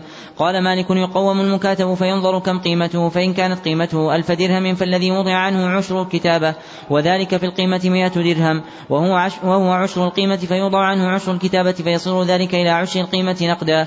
وإنما ذلك كهيئته لو وضع عنه جميع ما عليه. ولو فعل ذلك لم يحسب في ثلث مال الميت إلا قيمة المكاتب ألف درهم. وإن كان الذي وضع عنه نصف الكتابة حسب في ثلث المال الميت نصف القيمة وإن كان أقل من ذلك أو أكثر فهو على هذا الحساب. وبه إلى يحيى قال قال مالك إذا وضع الرجل عن مكاتبه ألف درهم من عشرة آلاف درهم ولم يسمي أنها من أول كتابته أو من آخرها وضع عنه من كل نجم عشره. وبه قال مالك وإذا وضع الرجل عن مكاتبه عند الموت ألف درهم من أول كتابته أو من آخرها وكان أصل الكتابة على ثلاثة آلاف درهم قوم المكاتب قيمة النقد. ثم قسمت تلك القيمة فجعل لتلك الألف التي من أول الكتابة حصتها من تلك, القيمة. بقدر قربها بقدر قربها من الأجل وفضلها ثم الألف التي تلي الألف الأولى بقدر فضلها أيضا ثم الألف التي تليها بقدر فضلها أيضا حتى يؤتى على آخرها. تفضل كل ألف بقدر موضعها في تعجيل الأجل وتأخيره لأن ما استأخر من ذلك كان أقل في القيمة ثم يوضع في ثلث, في ثلث الميت قدر ما أصاب تلك الألف من القيمة. على تفاضل ذلك إن قل أو كثر فهو على هذا الحساب. وبه قال مالك في رجل أوصى لرجل بربع مكاتب له وأعتق ربعه فهلك الرجل ثم هلك المكاتب ترك مالا كثيرا أكثر مما بقي عليه. قال مالك يعطى ورثة السيد والذي وصي له بربع المكاتب ما بقي لهم على المكاتب ثم يقتسمون ما فضل فيكون ثم يقتسمون ما فضل فيكون للموصى له بربع المكاتب ثلث ما فضل بعد أداء الكتابة. ولورثة سيده الثلثان وذلك أن المكاتب عبد ما بقي عليه من كتابته شيء فإنما يورث بالرق. وبه لا يحيى قال قال مالك في مكاتب أعتقه سيده عند الموت. قال إن لم يحمله ثلث الميت عتق منه قدر ما حمل الثلث ويوضع عنه من الكتابة قدر ذلك. إن كان على المكاتب خمسة آلاف درهم وكانت قيمته ألف درهم نقدا ويكون ثلث الميت ألف درهم عتق نصفه ويوضع عنه شطر الكتابة. وبه قال مالك في رجل قال في وصيته غلامي فلان حر وكاتب فلانا. قال تبدأ العتاقة عن الكتابة. كمل كتاب المكاتب؟ والحمد لله كثيرا. كتاب التدبير. بسم الله الرحمن الرحيم وصلى الله على محمد وعلى آله وسلم تسليما. القضاء في ولد المدبرة. وبه قال مالك أنه, أنه قال الأمر عندنا في من دبر جارية له فولدت أولادا بعد تدبيره إياها ثم ماتت الجارية قبل الذي دبرها إن ولدها بمنزلتها قد ثبت لهم من الشرط مثل الذي ثبت لها. ولا يضرهم هلاك أمهم فإذا مات الذي كان دبرها فقد عتقوا إن وسعهم الثلث. وبه قال مالك كل ذات رحم فولدها بمنزلتها إن كانت حرة فولدت بعد عتقها فولدها أحرار وإن كانت مدبرة أو مكاتبة أو معتقة إلى سنين أو مخدمة أو بعضها حرا أو مرهونة أو أم ولد فولد كل واحدة منهن على مثال حال أمه يعتقون بعتقها ويرقون برقها. وبه إلى يحيى قال وقال مالك في مدبرة دبرت وهي حامل إن ولدها بمنزلتها وإنما ذلك بمنزلة رجل أعتق جارية له وهي حامل ولم يعلم بحملها. قال مالك فالسنة فيها أن ولدها يتبعها ويعتق بعتقها. وبه قال مالك وكذلك لو أن رجلا ابتاع جارية وهي حامل فالوليدة وما في بطنها لمن ابتاعها اشترط ذلك المبتاع أو لم يشترط. وبه قال مالك ولا يحل للبيع أن يستثني ما في بطنها لأن ذلك غرر يضع من ثمنها ولا يدري يصل ذلك إليه أم لا. وإنما ذلك بمنزلة ما لو باع جنينا في بطن أمه وذلك لا يحل, لا يحل لأنه غرر. وبه قال مالك في مدبر أو مكاتب ابتاع أحدهما جارية فوطئها فحملت منه وولدت. قال ولد كل واحد قال ولد كل واحد منهما من جاريته بمنزلته يعتقون بعتقه ويرقون برقه. قال مالك فإذا اعتق هو فإنما أم ولده مال من ماله تسلم إليه إذا أعتق. جامع ما جاء في التدبير.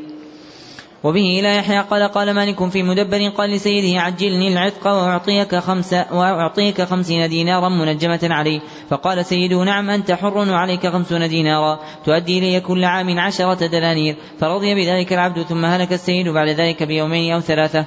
قال مالك يثبت له العتق وصارت الخمسون دينارا دينا عليه. وجازت شهادته وثبتت حرمته وميراثه وحدوده ولا يضع عنه موت سيده شيئا من ذلك الدين.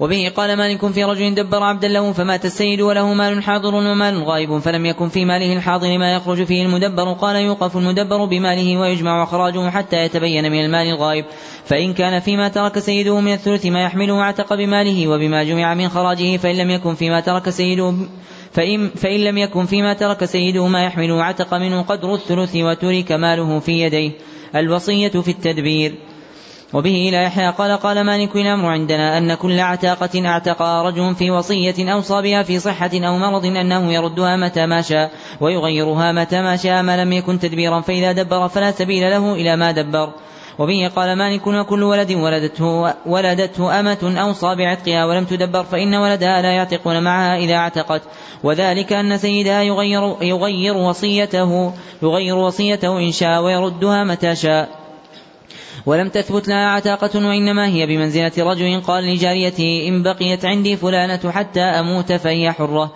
قال مالك فإن أدركت ذلك كان لها ذلك وإن شاء قبل ذلك باعها وولدها لأنه لم يدخل ولدها في شيء مما جعل لها. قال مالك والوصية في العتاقة مخالفة للتدبير فرق بين ذلك ما مضى من السنة. قال مالك لو كانت الوصية بمنزلة التدبير كان كل موص لا يقدر على تغيير وصيته وما ذكر فيها من العتاقة وقد كان حبس عليه من ماله ما لا يستطيع أن ينتفع به. وبه لا يحيى قال قال مالك في رجل دبر رقيقا له جميعا في صحته وليس له مال غيرهم. قال إن كان دبر بعضهم قال بعض بدأ بالأول فالأول حتى يبلغ الثلث. وإن كان دبرهم جميعا في مرضه فقال فلان حر وفلان حر في كلام واحد. إن حدث بي في مرضي هذا حدث أو دبرهم جميعا في كلمة واحدة تحاصوا في الثلث. تحاصوا في الثلث ولم يبدأ أحد منهم قبل صاحبه وإنما هي وصية وإنما لهم الثلث يقسم بينهم بالحصص ثم يعتق منهم الثلث بالغا ما بلغ. قال ولا يبدأ أحد قال ولا يبدأ أحد منهم إذا كان ذلك كله في مرضه. وبه قال مالك في رجل دبر غلاما له فلك السيد ولا مال له إلا العبد المدبر وللعبد مال. قال مالك يعتق ثلث المدبر ويوقف ماله بيديه. وبه إلى يحيى قال وقال مالك في مدبر كاتبه سيده فمات السيد ولم يترك مالا غيره. قال مالك يعتق منه ثلثه ويوضع عنه ثلث كتابته ويكون عليه ثلثاها. وبه قال مالك في رجل اعتق نصف عبد له وهو مريض فبت عتق نصفه أو بت عتقه كله وقد كان دبر عبدا له آخر قبل ذلك. قال يبدأ بالمدبر قبل الذي اعتقه وهو مريض وذلك أنه ليس للرجل أن يرد ما دبر ولا أن يتعقبه بأمر يرده به. فإذا اعتق المدبر فليكن ما بقي من الثلث في الذي اعتق شطره حتى يستتم عتقه كله في ثلث مال الميت. فإن لم يبلغ ذلك فضل الثلث عتق منه ما بلغ فضل الثلث بعد المدبر الأول. مس الرجل وليدته إذا دبرها. وبه قال مالك عن نافع أن عبد الله بن عمر رضي الله عنهما دبر جاريتين له فكان يطأهما وهما مدبرتان. وبه قال مالك عن يحيى بن سعيد أن سعيد بن المسيب كان يقول إذا دبر الرجل جاريته فإن له أن يطأها وليس له أن يبيعها ولا يهبها وولدها بمنزلتها. بيع المدبر. وبه لا يحيى قال قال مالك إلى أمر المجتمع عليه عندنا في المدبر أن صاحبه لا يبيعه ولا يحوله عن موضع الذي وضعه فيه وأنه إن رهق وأنه إن رهق سيده دين فإن غرماءه لا يقدرون على بيعه ما عاش سيده فإن مات سيده ولا دين عليه فهو في ثلثه لأنه استثنى عليه عمله ما عاش. فليس له أن يخدمه فليس له أن يخدمه حياته ثم يعتقه على ورثته إذا مات من رأس ماله. وإن مات سيد المدبر ولا مال له غيره عتق ثلثه وكان ثلثاه لورثته. فإن مات سيد المدبر وعليه دين محيط بالمدبر بيع في دينه لأنه إنما يعتق في الثلث. قال فإن كان الدين لا يحيط إلا بنصف العبد بيع نصفه للدين ثم عتق ثلث ما بقي بعد الدين. وبه قال مالك لا يجوز بيع المدبر ولا يجوز لأحد أن يشتري أن يشتريه إلا أن يشتري المدبر نفسه من سيده فيكون ذلك جائزا له أو يعطي أحد سيد المدبر مالا ويعتقه سيده الذي دبره فذلك يجوز له أيضا. قال مالك وولاؤه لسيده الذي دبره. وبه قال مالك لا يجوز بيع خدمة المدبر لأنه غرر لا يدرى كم يعيش سيده فذلك غرر لا يصلح. وبه لا يحيى قال وقال مالك في العبد يكون بين الرجلين فيدبر أحدهما حصته إنهما يتقاومان. فإن اشتراه الذي دبره كان مدبرا كله وإن لم يشتره انتقض تدبيره إلا أن يشاء الذي بقي له فيه الرق أن يعطيه شريكه الذي دبره بقيمته. فإن أعطاه إياه بقيمته لزمه ذلك وكان مدبرا كله. وبه قال مالك في رجل نصراني دبر عبدا له نصرانيا فأسلم العبد. قال مالك يحال بينه وبين العبد ويخرج على سيده النصراني ولا يباع عليه حتى يتبين أمره فإن هلك النصراني وعليه دين قضي دينه من ثمن المدبر إلا أن يكون في ماله ما يحمل الدين فيعتق المدبر. جراح مدبر. وبه قال مالك أنه بلغه أن عمر بن عبد العزيز قضى في المدبر إذا جرح أن لسيده أن يسلم ما يملك منه إلى المجروح فيختدمه المجروح ويقاصه بجراحه في دية جرحه. فإن أدى قبل أن يهلك سيده رجع إلى سيده وبه قال مالك والأمر عندنا في المدبر إذا جرح ثم هلك سيده وليس له مال غيره أنه يعتق ثلثه ثم يقسم عقل الجرح ثم يقسم عقل الجرح أثلاثا فيكون ثلث العقل على الثلث الذي اعتق منه ويكون ثلثاه على الثلثين اللذين بأيدي الورثة. إن شاءوا أسلموا الذي لهم منه إلى صاحب الجرح وإن شاءوا أعطوا ثلثي العقل وأمسكوا نصيبهم من العبد. وذلك أن عقل ذلك الجرح إنما جنايته من العبد ولم تكن دينا على السيد فلم يكن الذي أحدث العبد بالذي يبطل ما صنع السيد من عتقه وتدبيره. فإن كان على سيد العبد دين للناس مع جناية العبد بيع من المدبر بقدر عقل الجرح وقدر الدين. ثم يبدأ بالعقل الذي كان في جناية العبد فيقضى من ثمن العبد ثم يقضى دين سيده ثم ينظر إلى ما بقي بعد ذلك من العبد فيعتق ثلثه فيعتق ثلثه ويبقى ثلثاه للورثة وذلك أن جناية العبد هي أولى من دين سيده. وذلك أن الرجل إذا هلك وترك عبدا مدبرا قيمته خمسون ومائة دينار وكان العبد قد شج رجلا حرا موضحة ففيها خمسون دينارا. وكان على سيد العبد من الدين خمسون دينارا. قال مالك فإنه يبدأ بالخمسين دينار دينارا التي في عقل الشجة فيقضى من ثمن العبد. ثم يقضى دين سيده ثم ينظر إلى ما بقي من العبد فيعتق ثلثه ويبقى ثلثاه للورثة فالعقل أوجب في أوجب في رقبته من دين سيده ودين سيده أوجب من التدبير الذي إنما هو وصية في ثلث مال الميت. فلا ينبغي أن يجوز شيء من التدبير وعلى سيد المدبر دين لم يقضى. وإنما هو وصية وذلك أن الله تبارك وتعالى قال من بعد وصيته يوصى بها أو دين وبه قال مالك فإن كان في ثلث الميت ما يعتق فيه المدبر كله عتق وكان عقل جنايته دينا عليه يتبع به بعد عتقه وإن كان ذلك العقل الدية كاملة وذلك إذا لم يكن على سيده دين وبه قال مالك في المدبر إذا جرح رجلا فأسلمه سيده إلى المجروح ثم لك سيده عليه دين ولم يترك مالا غيره فقال الورثة نحن نسلمه إلى صاحب الجرح. وقال صاحب الدين ونازل وقال صاحب الدين ينازل على ذلك قال فإذا زاد الغريم شيئا فهو أولى به ويحط عن الذي عليه الدين قدر ما زاد الغريم على دية الجرح. فإن لم يزد شيئا لم يأخذ العبد.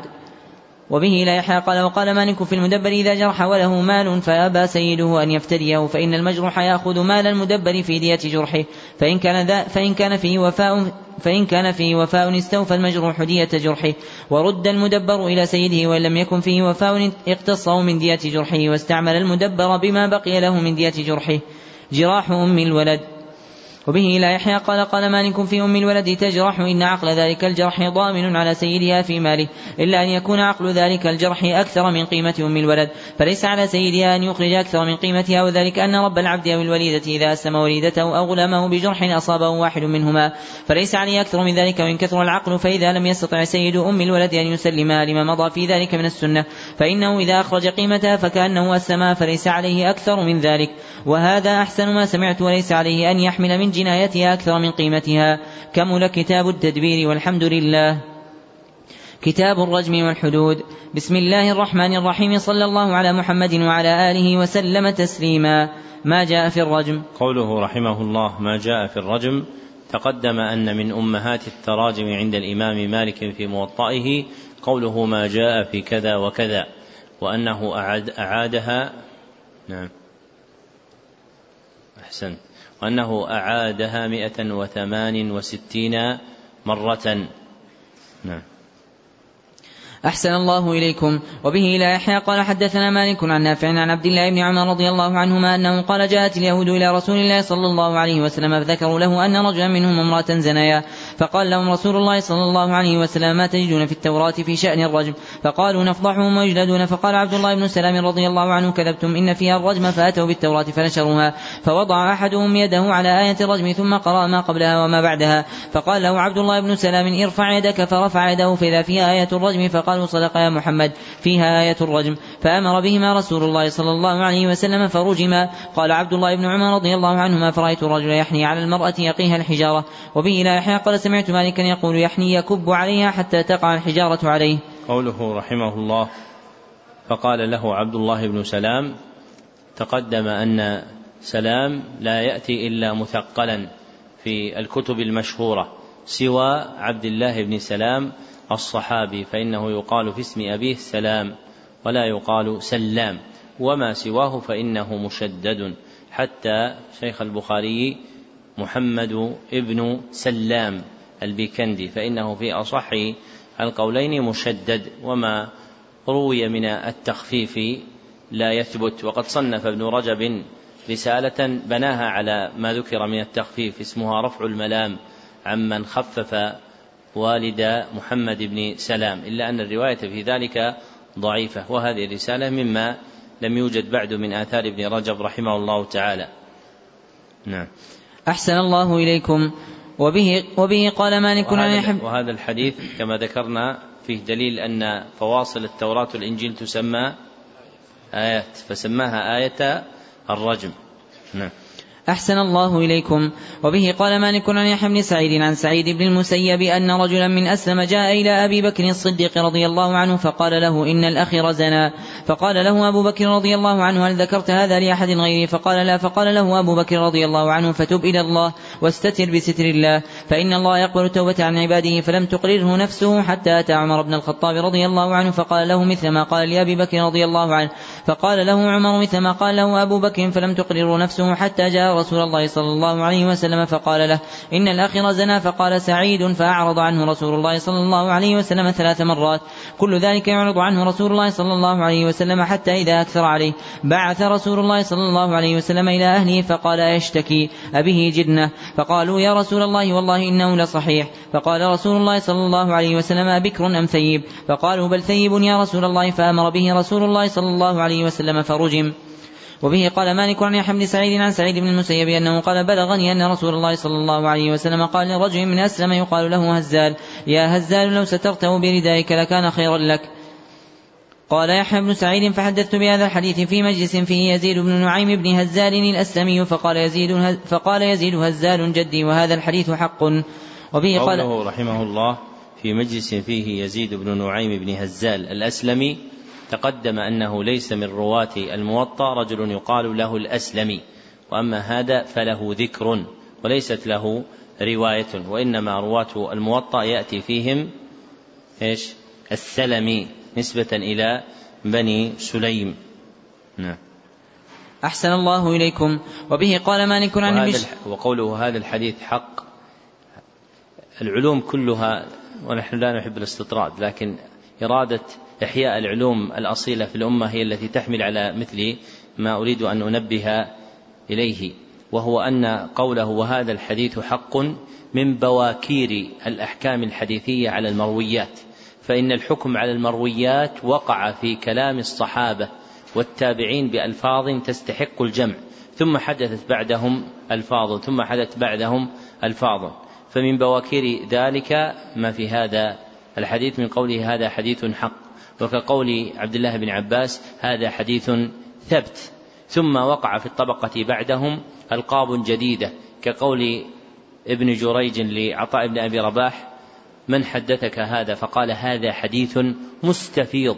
ثم حدثت بعدهم ألقاب كالصحيح والحسن والضعيف. فلا بد من النظر في بواكير الألقاب التي كانت أولا وكيف صهرت عند أهل الحديث في الألقاب التي اصطلحوا عليها وما حدث بعد ذلك من الألقاب.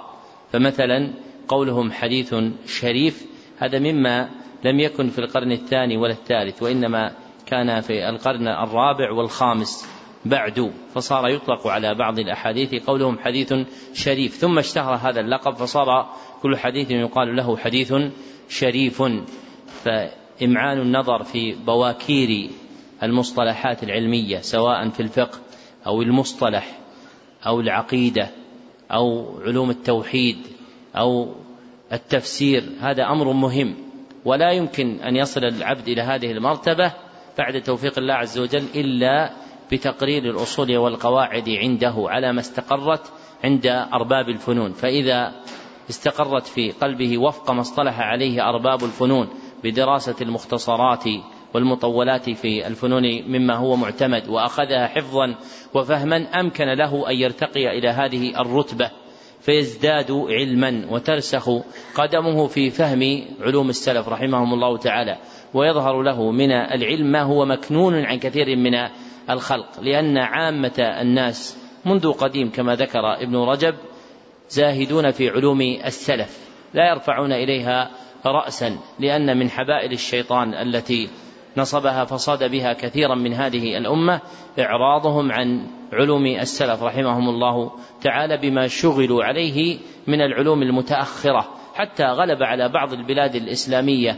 أن المتعلم يبقى فيها عشر سنوات لا يدرس إلا المنطق والفلسفة والنحو وأصول الفقه فإذا أفرغ من عمره مثل هذه المدة كيف يرتفع بعد ذلك إلى العناية بعلوم الكتاب والسنة وعلوم السلف لأنه يكون قد أفرغ زهرة عمره وقوة نفسه في هذه العلوم. فيتقاعد بعد ذلك عن الارتقاء إلى العلوم العظيمة. ومن أخبار العلامة السويدي رحمه الله تعالى من علماء بغداد العلامة علي بن سعيد السويدي رحمه الله تعالى أنه ذكرت مسألة في مجلسه. وسئل عنها بعض جلسائه فعرض ذلك الجالس بعلماء العجم وقال إنهم لا يفهمون شيئا من الكتاب والسنة وإنما يفهمون المنطق والحكمة يعني والفلسفة. فقال قد صار حالنا وحالهم سواء يعني صار حال علم العرب وعلم العجم في العناية بالعلوم الإسلامية سواء يشتغلون بالفضول ويتركون الأصول. فهذه إلماعة للإرشاد إلى العناية. بعلوم السلف بالترقي وفق المرقات التي ذكرنا من بناء المعاني التامة للمعارف وفق ما استقر عند أرباب الفنون فيبتدئ بأخذ المختصرات والمطولات في الفنون حفظا وفهما. فإذا قويت ملكته ومتن علمه نظر بعد ذلك في علوم السلف فيقع له من العلم بحار متلاطمة. يحار المرء أمامها. ومن ركب سفينة الإدراك والفهم لمعارف السلف رأى شتان بين علوم المتأخرين وعلوم الأولين. ومن بدائع الشاطبي رحمه الله تعالى في شرطه في أخذ العلم أن يكون أخذ العلم عن الكتب التي صنفها الأولون لأن العلم فيها أكثر ونفوسهم أزكى فالانتفاع بها أكبر. نعم. أحسن الله إليكم. وبه قال مالك عن ابن شهاب أنه أخبره أن رجلا اعترف على نفسه بالزنا على عهد رسول الله صلى الله عليه وسلم وشهد على نفسه أربع مرات فأمر به رسول الله صلى الله عليه وسلم فرجم. قال ابن شهاب فمن أجل ذلك يؤخذ الرجل باعترافه على نفسه. وبه قال مالك عن يعقوب بن زيد بن طلحة عن أبيه زيد بن طلحة عن عبد الله بن أبي مليكة أنه أخبره أن امرأة جاءت إلى رسول الله صلى الله عليه وسلم فأخبرته أنها زنت وهي حامل. فقال رسول الله صلى الله عليه وسلم اذهبي حتى تضعي. فلما وضعته جاءته فقال رسول الله صلى الله عليه وسلم اذهبي حتى ترضعيه. فلما أرضعته جاءته فقال اذهبي فاستودعيه. قال فاستودعته ثم جاءته فأمر بها فرجمت. وبه قال مالك عن ابن شهاب عن عبيد الله بن عبد الله بن عتبة عن أبي هريرة وزيد بن خالد الجهني رضي الله عنهما أنهما أخبرا أن رجلين اختصما إلى رسول الله صلى الله عليه وسلم فقال أحدهما يا رسول الله اقض بيننا بكتاب الله وقال الآخر وهو أفقههما أجل يا رسول الله فاقض بيننا بكتاب الله وأذن لي في أن أتكلم. قال تكلم فقال إن ابني كان عسيفا على هذا فزنى بامرأته فأخبرني أن على ابني أن على ابني الرجم فابتديت منه بمئة شاة وبجارية لي. ثم إني سألت أهل العلم فأخبروني أن ما على ابني جلد مئة وتغريب عام وأخبروني أن من الرجم على امرأته فقال رسول الله صلى الله عليه وسلم أما والذي نفسي بيده لأقضين بينكما بكتاب الله أما غنمك وجاريتك فرد عليك. وجلد ابنه مئة وغربه عاما وأمر أنيسا الأسلمي أن تأتي امرأة الآخر فإن أن, أن تأتي امرأة الآخر فإن اعترفت رجمها فاعترفت فرجمها. قوله في الحديثين نعم أكمل. قال مالك والعسيف الأجير. قوله في الحديثين السابقين وزيد بن خالد الجهني وقبله عن أبيه زيد بن طلحة ذكرنا أن زيدا إذا وقع موافقا لهذا الرسم فآخره دال. وليس في الرواة المتقدمين من آخره نون إلا راو واحد وهو آه كامل أحسن. وهو زين بن شعيب المعافري من أصحاب الإمام مالك. نعم. أحسن الله إليكم. وبه قال مالك عن سهيل بن أبي صالح عن أبيه عن أبي هريرة رضي الله عنه أن سعد بن عبادة رضي الله عنه قال لرسول الله صلى الله عليه وسلم أرأيت لو أني وجدت مع امرأتي رجلا أمهله حتى آتي بأربعة شهداء؟ فقال له رسول الله عليه السلام نعم. وبه قال مالك عن ابن شهاب عن عبيد الله بن عبد الله بن عتبة بن مسعود عن عبد الله بن عباس رضي الله عنهما أنه قال سمعت عمر بن الخطاب رضي الله عنه يقول الرجم في كتاب الله حق على من زنى من الرجال والنساء إذا أحصن. إذا قامت عليه البينة وكان الحبل والاعتراف. وبه قال مالك عن يحيى بن سعيد عن سليمان بن يسار عن أبي, عن أبي واقد الليثي أن عمر بن الخطاب رضي الله عنه أتاه رجل وهو بالشام فذكر له أنه وجد مع امرأته رجلا. فبعث عمر بن الخطاب أبا واقد الليثي رضي الله عنه إلى امرأته يسألها عن ذلك فأتاها وعندها نسوة حولها فذكر لها الذي قال زوجها لعمر بن الخطاب وأخبرها أنها لا تؤخذ بقوله وأخبرها أنها لا تؤخذ بقوله وجعل يلقن وأشباه ذلك لتنزع فأبت أن تنزع وتمت على الاعتراف فأمر بها عمر فرجمت. وبه قال مالك عن يحيى بن سعيد عن سعيد بن المسيب انه سمع يقول لما صدر عمر بن الخطاب رضي الله عنه من منى أناخ بالأبطح ثم كوم كومة بطحاء ثم طرح عليها رداءه واستلقى ثم مد يديه إلى السماء فقال اللهم كبرت سني وضعفت قوتي وانتشرت رعيتي فاقبضني إليك غير مضيع ولا مفرط. فاقبضني إليك غير مضيع ولا مفرط. ثم قدم المدينة فخطب الناس فقال أيها الناس قد سنت قد سنت لكم السنن وفرضت لكم الفرائض. وتركتم عن الواضحة إلا أن تضلوا بالناس يمينا وشمالا وضرب بإحدى يديه على الأخرى. ثم قال إياكم أن تهلكوا عن آية الرجم أن يقول قائل لا نجد حدين في كتاب الله. فقد رجم رسول الله صلى الله عليه وسلم ورجمنا والذي نفسي بيده لولا أن يقول الناس زاد عمر بن الخطاب في كتاب الله. لكتبتها. الشيخ والشيخة فارجموهما البتة فإنا قد قرأناها. قال مالك قال يحيى بن سعيد قال سعيد بن المسيب فمن سلخ ذو الحجة حتى قتل عمر رحمه الله. وبه لا قال سمعت مالكا يقول قوله الشيخ والشيخة يعني الثيب والثيبة فارجموهما البتة. وبه قال مالك أنه بلغه أن عثمان بن عفان رضي الله عنه أتي بامرأة قد ولدت في ستة أشهر فأمر بها أن ترجم. فقال له علي بن أبي طالب رضي الله عنه ليس ذلك عليها إن الله تبارك وتعالى يقول في كتابه وحمله وفصاله ثلاثون شهرا. وقال والوالدات يرضعن أولادهن حولين كاملين لمن أراد أن يتم الرضاعة. فالحمل يكون ستة أشهر فلا رجم عليها. فبعث عثمان رضي الله عنه في أثرها فوجدها قد رجمت. وبه قال مالك أنه سأل ابن شهاب عن الذي يعمل عمل قوم لوط فقال ابن شهاب عليه الرجم أحصن أو لم يحصن. بسم الله الرحمن الرحيم. ما جاء في من اعترف على نفسه بالزنا. وبه قال مالك عن زيد بن أسلم أن رجلا اعترف على نفسه بالزنا على عهد رسول الله صلى الله عليه وسلم فدعا له رسول الله صلى الله عليه وسلم بسوط فأتي بسوط مكسور. فقال فوق هذا فأتي بسوط جديد لم تقطع ثمرته. فقال دون هذا فأتي بسوط قد ركب به ولا فأمر به رسول الله صلى الله عليه وسلم فجلد. ثم قال يا أيها الناس قد آن لكم أن تنتهوا عن حدود الله من أصاب من هذه القاذورة شيئا فليستتر بستر الله. فإنه من يبدي لنا صفحته نقم عليه كتاب الله. وبه قال مالك عن نافع أن صفية بنت أبي عبيد أخبرته أن أبا بكر الصديق رضي الله عنه أتي برجل قد وقع على جارية بكر فأحبلها ثم اعترف على نفسه بالزنا ولم يكن أحصن فأمر به أبو بكر فجلد الحد ثم نفي إلى فدك. قوله أن صفية بنت أبي عبيد تقدمت قاعدة عبيد وهي نعم. أحسنت. أنه لا يأتي في أسماء رواة الحديث إلا مصغرا عبيد. وأما في الشعراء فمنهم جماعة اسمهم عبيد بفتح العين من أشهرهم عبيد بن الأبرص. نعم. أحسن الله إليكم. وبه قال مالك في الذي يعترف على نفسه بالزنا ثم يرجع عن ذلك ويقول لم أفعل وإنما كان ذلك مني على وجه كذا وكذا لشيء يذكره إن ذلك يقبل منه ولا يقام عليه الحد. وذلك أن الحد الذي هو لله لا يؤخذ إلا بأحد وجهين إما ببينة عادلة تثبت على صاحبها وإما باعتراف يقيم عليه. حتى يقام عليه الحد قال فإن قام على اعترافه يقيم عليه الحد. وبه قال مالك الذي أدركت عليه أهل العلم أنه لا نفي على العبيد إذا زنوا.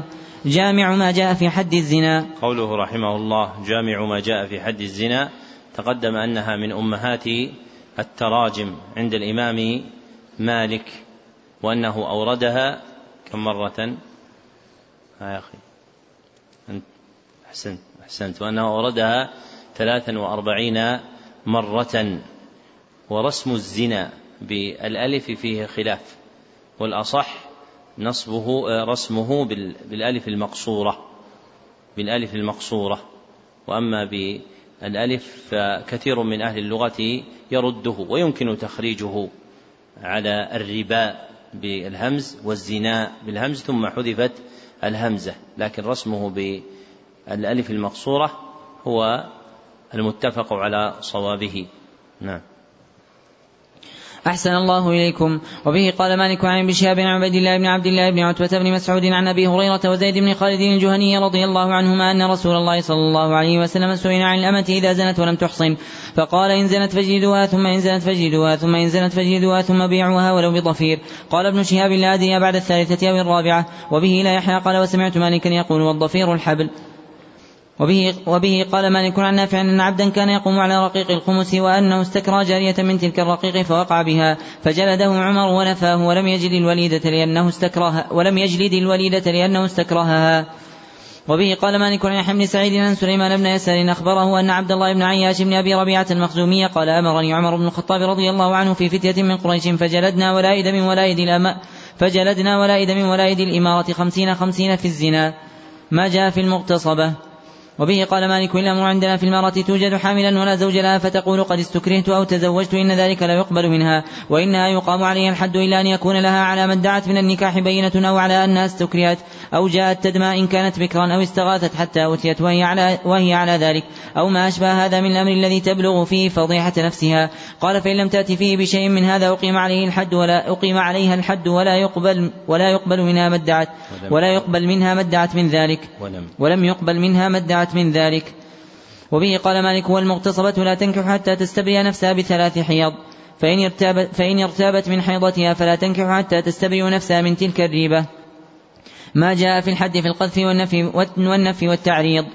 وبه قال مالك عن أبي الزناد أنه قال جلد عمر بن عبد العزيز عبدا في فرية ثمانين. قال أبو الزناد فسألت عبد الله بن عامر فسألت عبد الله بن عامر بن ربيعة عن ذلك فقال أدركت عمر بن الخطاب وعثمان بن عفان والخلفاء هلم جرا فما رأيت أحدا جلد عبدا في فرية أكثر من أربعين. قوله رحمه الله عن أبي الزناد تقدم أنه لم يأتي وفق هذا الرسم بالنون بعد الزاي إلا أبو الزناد هذا واسمه عبد الله بن ذكوان. وأما أبو زياد فجماعة. نعم. أحسن الله إليكم. وبه قال مالك عن رزيق بن حكيم أن رجلا يقال له مصباح استعان ابنا له فكأنه استبطاه فلما جاءه قال له يا زان قال له يا زان قال رزيق فاستعداني عليه فلما أردت أن أجده قال ابنه والله لئن جلدته لأبو أن على نفسي بالزنا. فلما قال ذلك أشكل علي أمره فكتبت فيه إلى عمر بن عبد العزيز وهو الوالي يومئذ, يومئذ أذكر له ذلك فكتب إلي عمر أن أجز عفوه. قوله رحمه الله عن رزيق بن حكيم رزيق في أشهر الأقوال بتقديم رائه على زائه وفي قول آخر بتقديم زائه على رائه. يعني زريق. فقيل رزيق وقيل زريق. وتقدم عندنا زريق في موضعين. أحدهما زريق بن حيان والآخر في مسجد بني زريق. وأما رزيق بالراء في المشهور فيه وبعضهم قال بتقديم الزاي على الراء فهو المشهور في رزيق بن حكيم. وتقدمت قاعدة حكيم أن ما في الموطأ منه فهو بفتح حائه وليس فيه شيء بضمها. إلا هذا الراوي فإنه في قول بضم حائه. لكن الأشهر أنه بفتح حائه كغيره. ومن أهل العلم من قال أنه بالضم. لكن القدامى كالبخاري وابن أبي حاتم وغيرهما إنما ذكروه وعلي بن المديني إنما ذكروه بفتح الحاء. فهو الأشهر فيه. نعم. أحسن الله إليكم. قال رزيق وكتبت إلى عمر بن عبد العزيز أيضا أرأيت رجلا افتري عليه أو على أبويه وقد هلك أو أحدهما؟ قال فكتب إلي عمر إن عفا فأجز عفوه في نفسه وإن افتري على أبويه وقد هلك أو أحدهما فخذ له بكتاب الله إلا أن يريد سترا. وبه قال يحيى قال سمعت مالكا يقول وذلك أن يكون الرجل المفترى عليه يخاف إن كشف ذلك منه أن يقوم عليه بينة فإذا كان على ما وصفت فإذا كان على ما وصفت فعفا جاز عفوه. وبه قال مالك عن بن عروة عن أبيه أنه قال في رجل قذف قوما جماعة أنه ليس عليه إلا حد واحد. قال مالك وإن تفرقوا فليس عليه إلا حد واحد. وبه قال مالك عن أبي الرجال محمد بن عبد الرحمن بن حارثة بن النعمان الأنصاري ثم من. ثم من بني النجار عن أمه عمرة بنت عبد الرحمن أن رجلين استبا في زمن عمر بن الخطاب رضي الله عنه. فقال أحدهما للآخر والله ما أبي بزان ولا أمي بزانية. فاستشار في ذلك عمر بن الخطاب رضي الله عنه فقال قائل مدح أباه وأمه. وقال آخرون قد كان لأبيه وأمه مدح غير هذا. نرى أن تجلده الحد فجلده عمر الحد ثمانين. وبه قال مالك لا حد عندنا إلا في نفي أو قذف أو تعريض يرى أن قائله إنما أراد بذلك نفيا أو قذفا فعلى من قال ذلك الحد تاما. وبه قال مالك الأمر عندنا أنه إذا نفى رجل رجلا من أبيه فإن عليه الحد وإن كانت أم الذي نفي مملوكة فإن عليه الحد. ما لا حد فيه. وبه قال مالك إن أحسن ما سمع في الأمة يقع بها الرجل وله فيها شرك أنه لا يقام عليه الحد وأنه يلحق به الولد وتقام عليه الجارية حين حملت فيعطى شركاء حصصا من الثمن وتكون الجارية له. قال مالك وعلى هذا الأمر عندنا. وبه قال مالك في الرجل يحل للرجل جاريته إنه إن أصابها الذي أحلت له قومت عليه يوم أصابها. حملت ولم تحمل ودري عنه الحد ودري عنه الحد بذلك فإن حملت ألحق به الولد. وبه قال مالك في الرجل يقع على جارية ابنه أو ابنته إنه يدرى عنه الحد وتقام عليه الجارية حملت أو لم تحمل. وبه قال مالك عن ربيعة بن أبي عبد الرحمن أن عمر بن الخطاب رضي الله عنه قال لرجل خرج بجارية لامرأته معه في سفر فأصابها. فغارت امرأته فذكر ذلك لعمر بن الخطاب رضي الله عنه فسأله عن ذلك فقال وهب وهبت وهبتها لي فقال عمر رضي الله عنه لتأتيني بالبين لتأتيني بالبينة أو لأرمينك بأحجارك. قال فاعترفت امرأته أنها وهبتها له. كتاب السرقة. بسم الله الرحمن الرحيم. ما يجب فيه القطع. وبه قال مالك عن نافع عن عبد الله بن عمر رضي الله رحمه الله ما يجب فيه القطع. تقدم أن هذا من أمهات التراجم عند الإمام مالك وأنه أورده خمس مرات تارة بالتذكير وتارة بالتأنيث. نعم. أحسن الله إليكم. وبه قال مالك عن نافع عن عبد الله بن عمر رضي الله عنهما أن رسول الله صلى الله عليه وسلم قطع في مجن ثمنه ثلاثة دراهم. وبه قال مالك عن عبد الله بن عبد الرحمن بن أبي حسين المكي أن رسول الله صلى الله عليه وسلم قال لا قطع في ثمن معلق ولا في حريسة جبل. فإذا آواه المراح أو الجرين فالقطع فيما بلغ ثمن المجن. وبه قال مالك عن عبد الله بن أبي بكر عن أبيه عن عمرة بنت عبد الرحمن أن سارقا سرق في زمان عثمان بن عفان رضي الله عنه ترجة فأمر بها عثمان بن عفان رضي الله عنه أن تقوم. فقومت بثلاثة دراهم من صرف اثني عشر درهما بدينار فقطع عثمان يده. وبه قال مالك عن يحيى بن سعيد عن عمرة بنت عبد الرحمن عن عائشة رضي الله عنها زوج النبي صلى الله عليه وسلم أنها قالت ما طال علي وما نسيت القطع في ربع دينار فصاعدا.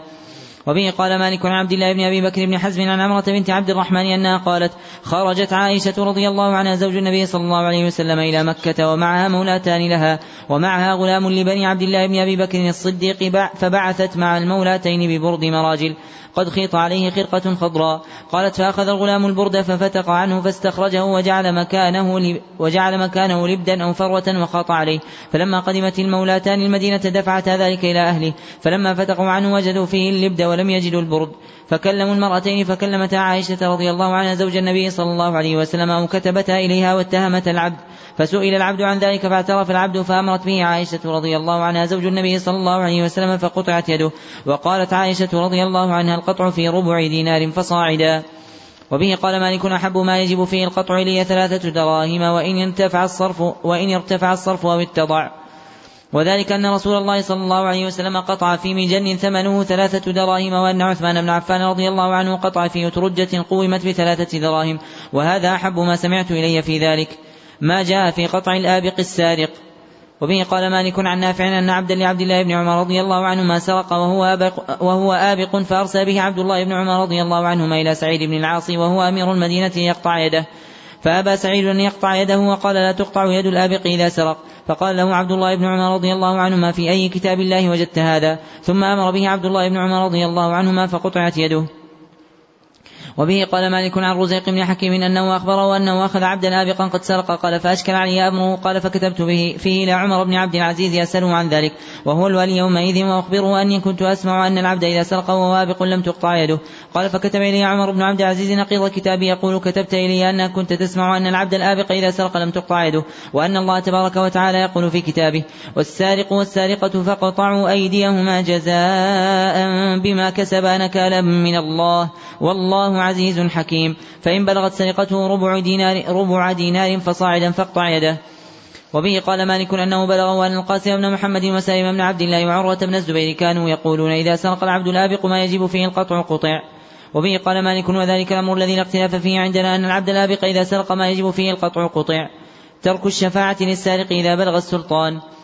وبه قال مالك عن ابن شهاب عن صفوان بن عبد الله بن صفوان أن صفوان بن أمية قيل له إنه من لم يهاجر هلك فقدم صفوان بن أمية المدينة فنام في المسجد وتوسد رداءه فجاء سارق فأخذ رداءه فأخذ صفوان السارق فجاء به إلى رسول الله صلى الله عليه وسلم فأمر به رسول الله صلى الله عليه وسلم أن تقطع يده فقال صفوان إني لم أرد هذا يا رسول الله هو عليه صدقة فقال رسول الله صلى الله عليه وسلم فهلا قبل أن تأتيني به.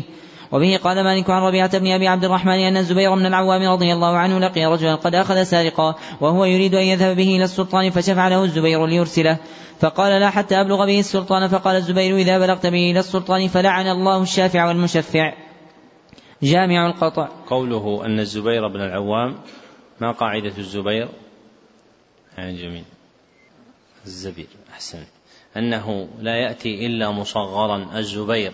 سوى عبد الرحمن بن الزبير وابنه الزبير ابن عبد الرحمن نعم. أحسن الله إليكم جامع القطع. وبه قال مالك عبد الرحمن بن القاسم عن أبيه أن رجلا من أهل اليمن يقطع اليد أقطع اليد والرجل قدم فنزل على أبي بكر الصديق رضي الله عنه فشكى إليه أن عامل اليمن قد ظلمه فكان يصلي من الليل فيقول أبو بكر رضي الله عنه وأبيك ما ليلك بليل سارق؟ ثم إنهم فقدوا عقدا لأسماء بنت عميس امرأة أبي بكر الصديق رضي الله عنه فجعل الرجل يطوف معهم ويقول اللهم عليك بمن, بي بمن بيت أهل هذا البيت الصالح فوجدوا الحلي عند صائغ زعم أن الأقطع جاء به فاعترف به الأقطع وشهد عليه به فأمر به أبو بكر رضي الله عنه فقطعت يده اليسرى وقال أبو بكر رضي الله عنه والله لدعاؤه على نفسه أشد عندي عليه من سرقته. وبه قال مالك الأمر عندنا في الذي يسرق مرارا ثم يستعدى عليه إنه أعد, أعد هذا الأثر. وبه قال مالك عن عبد الرحمن بن القاسم عن أبيه أن رجلا من أهل اليمن أقطع, أقطع اليد والرجل قدم فنزل على أبي بكر الصديق رضي الله عنه فشكى إليه أن عامل اليمن قد ظلمه فكان يصلي من الليل فيقول أبو بكر رضي الله عنه وأبيك ما ليلك بليل سارق ثم إنهم فقدوا عقدا لأسماء بنت عميس امرأة أبي بكر الصديق رضي الله عنه فجعل الرجل يطوف معهم ويقول اللهم عليك بمن بيت أهل هذا البيت الصالح فوجدوا الحلي عند صائغ زعم أن الأقطع جاء به فاعترف به الأقطع أو شهد عليه به فأمر به أبو بكر رضي الله عنه فقطعت يده اليسرى وقال أبو بكر رضي الله عنه والله لدعاؤه على نفسه أشد عندي عليه من سرقته. وبه قال مالك الأمر عندنا في الذي يسرق مرارا ثم يستعدى عليه إنه ليس عليه إلا أن تقطع يده لجميع من سرق منه إذا لم يكن أقيم عليه الحد. فإن كان قد أقيم عليه الحد قبل ذلك ثم سرق ما يجب فيه القطع قطع أيضا. وبه قال مالك أن أبا الزناد أخبره أن عاملا لعمر بن عبد العزيز أخذ ناسا في حرابة ولم يقتلوا فأراد أن يقطع أيديهم أو يقتل فأراد أن يقطع أيديهم أو يقتل. فكتب إلى عمر بن عبد العزيز في ذلك فكتب إليه عمر بن عبد العزيز لو أخذت بأيسر ذلك. وبه قال مالك الأمر عندنا في الذي يسرق أمتعة الناس التي تكون موضوعة بالأسواق محرزة قد أحرزها أهلها في أوعيتهم وضموا بعضها إلى بعض إنه من سرق من ذلك شيئا من حرزه فبلغ قيمته ما يجب فيه القطع فإن عليه القطع كان صاحب المتاع عند متاعه أو لم يكن ذلك ليلا كان أو نهارا وبه قال مالك في الذي يسرق ما يجب عليه فيه القطع ثم يوجد معه ما سرق فيرد إلى صاحبه إنه يقطع يده فإن قال قائل كيف تقطع يده وقد أخذ المتاع منه ودفع إلى صاحبه فإنه بمنزلة الشارب توجد منه. فإن قال قائل كيف تقطع يده وقد أخذ المتاع منه ودفع إلى صاحبه فإنما هو بمنزلة الشارب توجد منه ريح الشراب المسكر وليس به سكر فيجلد الحد. قال وإنما يجلد الحد وإنما يجلد الحد في المسكر وليس به سكر فيجلد الحد. قال وإنما يجلد الحد في المسكر إذا شربه وإن لم يسكره وذلك إن أنه إنما شربه ليسكره. فكذلك تقطع يد السارق في السرقة التي أخذت منه ولم ينتفع بها ورجعت إلى صاحبها وإنما سرقها حين سرقها ليذهب بها.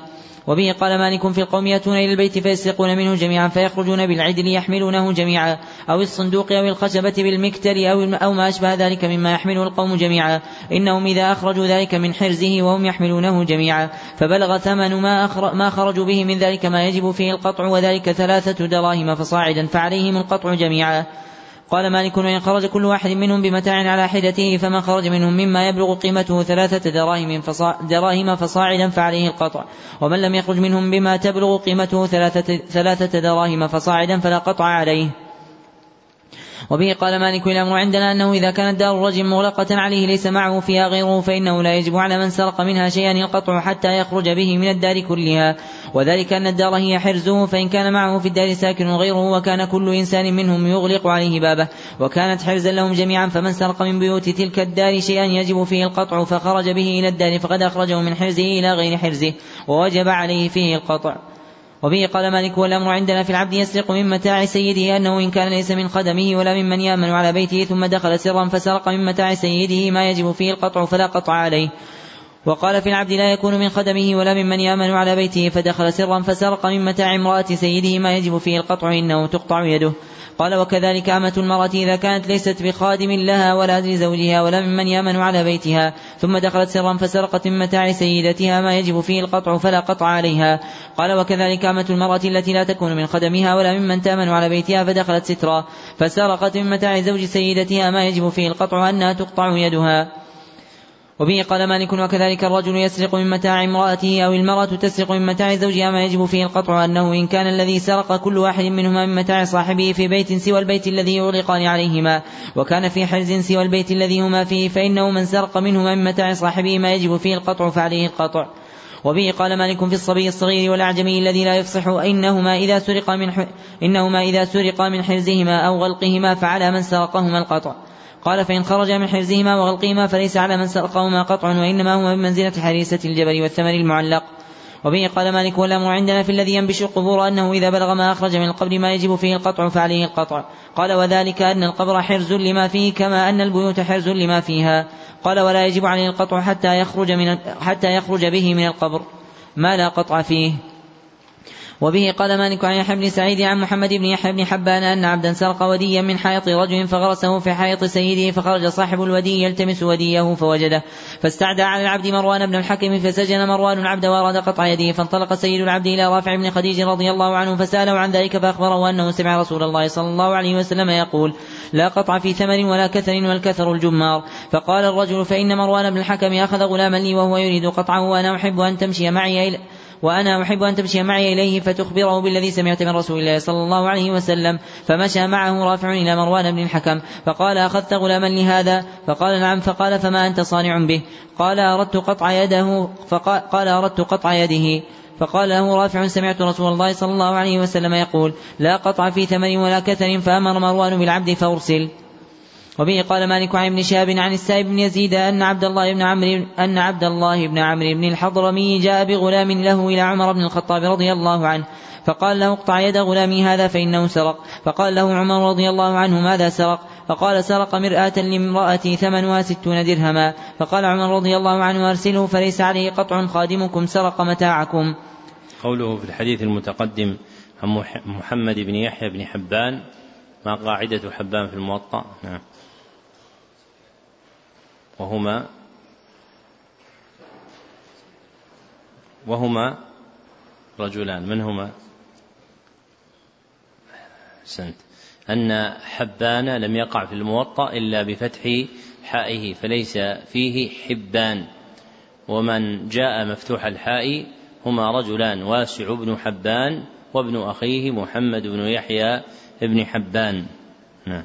أحسن الله إليكم. وبه قال مالك عن ابن شهاب أن عن ابن شهاب أن مروان بن الحكم أتي بإنسان قد اختلس متاعا فأراد قطع يده فأرسل إلى زيد بن ثابت رضي الله عنه يسأله عن ذلك فقال زيد بن ثابت رضي الله عنه ليس بالخلسة قطع. وبه قال مالك عن يحيى بن سعيد أنه قال أخبرني أبو بكر بن محمد بن عمرو بن حزم أنه أخذ نبطيا قد سرق خواتم من حديد فحبسه ليقطع يده فأرسلت إليه عمرة بنت عبد الرحمن مولاة لها يقال لها أمية. قال أبو بكر فجاءتني وأنا بين ظهراني الناس فقالت تقول لك خالتك عمرة يا ابن أختي أخذت نبطيا في شيء يسير فذكر لي فأردت قطع يد. فذكر لي فأردت قطع يده. قلت نعم. قالت فإن عمرة تقول لك لا قطع إلا في ربع دينار فصاعدا. قال أبو بكر فأرسلت النبطي. وبه قال مالك والأمر المجتمع عليه عندنا في اعتراف العبيد أنه من اعترف منهم على نفسه بشيء يقع الحد أو العقوبة فيه في جسده فإن اعترافه جائز عليه ولا يتهم أن يوقع على نفسه هذا. قال مالك وأما من اعترف منهم بأمر يكون غرما على سيده فإن, فإن اعترافه غير جائز على سيده. وبه قال مالك ليس على الأجير ولا على الرجل يكونان مع القوم يخدمانهم إن سرقاهم قطع لأن حالهما ليست في حال السارق وإنما حالهما حال الخائن وليس على الخائن قطع. وبه قال مالك في الذي يستعير العارية فيجحدها إنه ليس عليه قطع وإنما مثل ذلك كمثل رجل كان له على رجل دين فجحده ذلك فليس عليه فيما جحده قطع. وبه قال مالك الأمر عندنا في السارق يوجد في البيت قد جمع المتاع ولم يخرج به إنه ليس عليه قطع وإنما مثل ذلك كمثل رجل وضع بين يديه خمرا ليشربها فلم يفعل فليس عليه حد. ومثل ذلك رجل جلس من امرأة مجلسا وهو يريد أن يصيبها حراما فلم يفعل ولم يبلغ ذلك منها فليس عليه في ذلك أيضا حد. وبه قال مالك الأمر المجتمع عليه عندنا أنه ليس في الخلسة قطع بلغ ثمنها ما يقطع فيه أو لم يبلغ. كمل كتاب الرجم والحدود والحمد لله حق حمده. كتاب الأشربة. بسم الله الرحمن الرحيم. صلى الله على محمد وعلى آله وسلم تسليما. الحد في الخمر. وبه قال مالك عن ابن شهاب عن السائب بن يزيد أن أنه أخبره أن عمر بن الخطاب رضي الله عنه خرج عليهم فقال إني وجدت من فلان إني وجدت من فلان ريح شراب. فزعم أنه شرب الطلاء وأنه سا وأنا سائل عما شرب فإن كان يسكر جلدته فجلده عمر بن الخطاب رضي الله عنه الحد تاما. قوله عن السائب بن يزيد تقدم أنه لم يقع في الموطأ بريد بالباء الموحدة والراء المهملة بل ما فيه هو يزيد. نعم. أحسن الله إليكم. وبه قال مالك عن ثور بن زيد الديني أن عمر بن الخطاب رضي الله عنه استشار في الخمر يشربها الرجل فقال له علي بن أبي طالب رضي الله عنه نرى أن نجده ثمانين. فإنه إذا شرب سكر وإذا سكر هذي وإذا هذا يفت وإذا وإذا سكر هذا وإذا هذا يفترى أو كما قال. فجلد عمر رضي الله عنه في الحد ثمانين. وبه قال مالك عن ابن شهاب أنه سئل عن حد العبد في الخمر فقال بلغني أن عليه نصف حد الحر في الخمر وأن عمر بن الخطاب رضي الله عنه وعثمان بن عفان وعبد الله بن عمر رضي الله عنهما قد جلدوا عبيدهم نصف حد الحر في الخمر. وبه قال مالك عن يحيى بن سعيد. المتقدم إذا شرب سك سكر وإذا سكر الذي أحفظه هذا أن الفعل بالألف المقصورة. كسع هذا يهدي وهذا يهدو واوي ويائي وتراجع لكن الذي أحفظه هذا. نعم. أحسن الله إليكم. وبه قال مالك عن يحيى بن سعيد أنه سمع سعيد بن المسيب يقول ما من شيء إلا الله يحب أن يعفى عنه ما لم يكن حدا. وبه قال مالك والسنة عندنا أن كل من شرب شرابا مسكرا ولم يسكر فقد وجب عليه الحد. ما ينهى أن ينبذ فيه. وبه قال مالك عن نافع عن عبد الله بن عمر رضي الله عنهما أن رسول الله صلى الله عليه وسلم خطب الناس في بعض مغازيه. قال عبد الله بن عمر رضي الله عنهما فأقبلت نحوه فانصرف قبل أن أبلغه فسألت ماذا قال فقيل لي نهى, عن نهى أن ينبذ في الدباء والمزفت.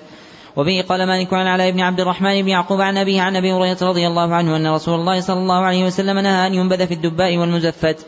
ما يكره أن ينبذ جميعا. قوله رحمه الله ما يكره أن ينبذ جميعا هذه الترجمة من أمهات التراجم عند الإمام مالك رحمه الله.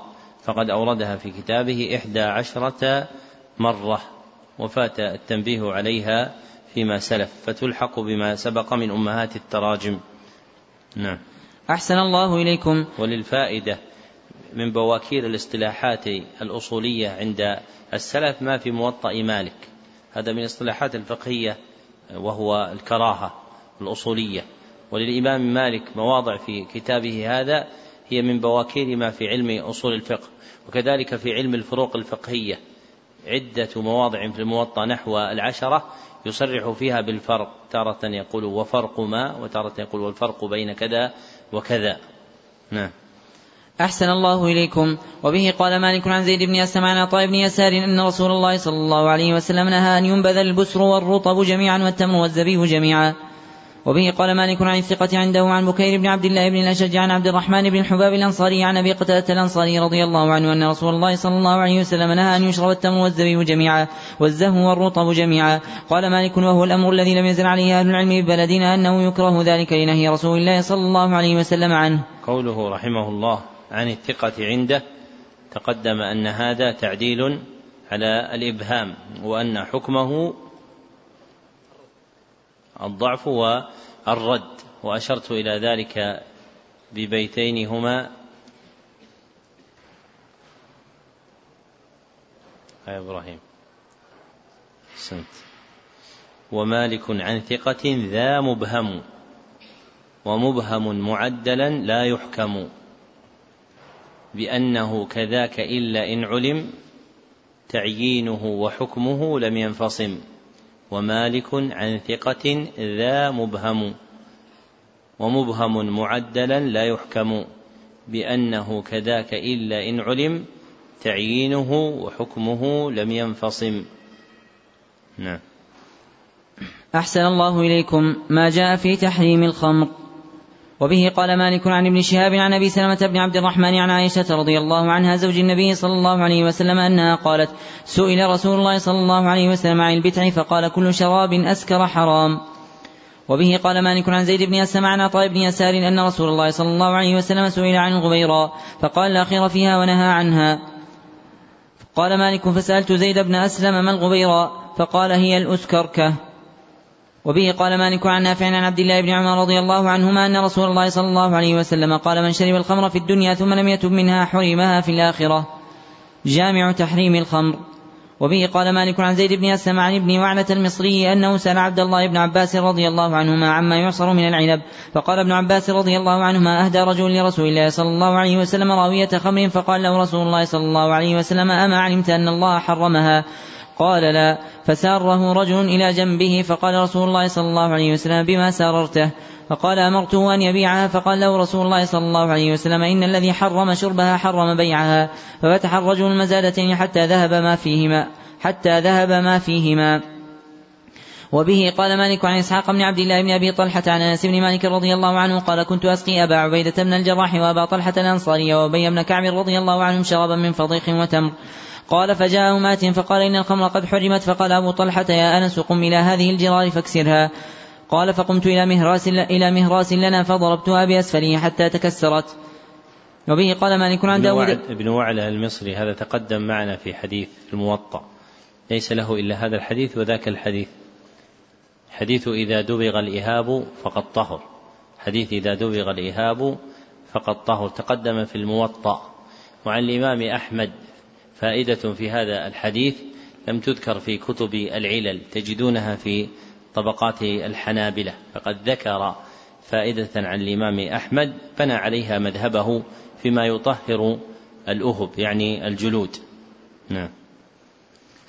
أحسن الله إليكم.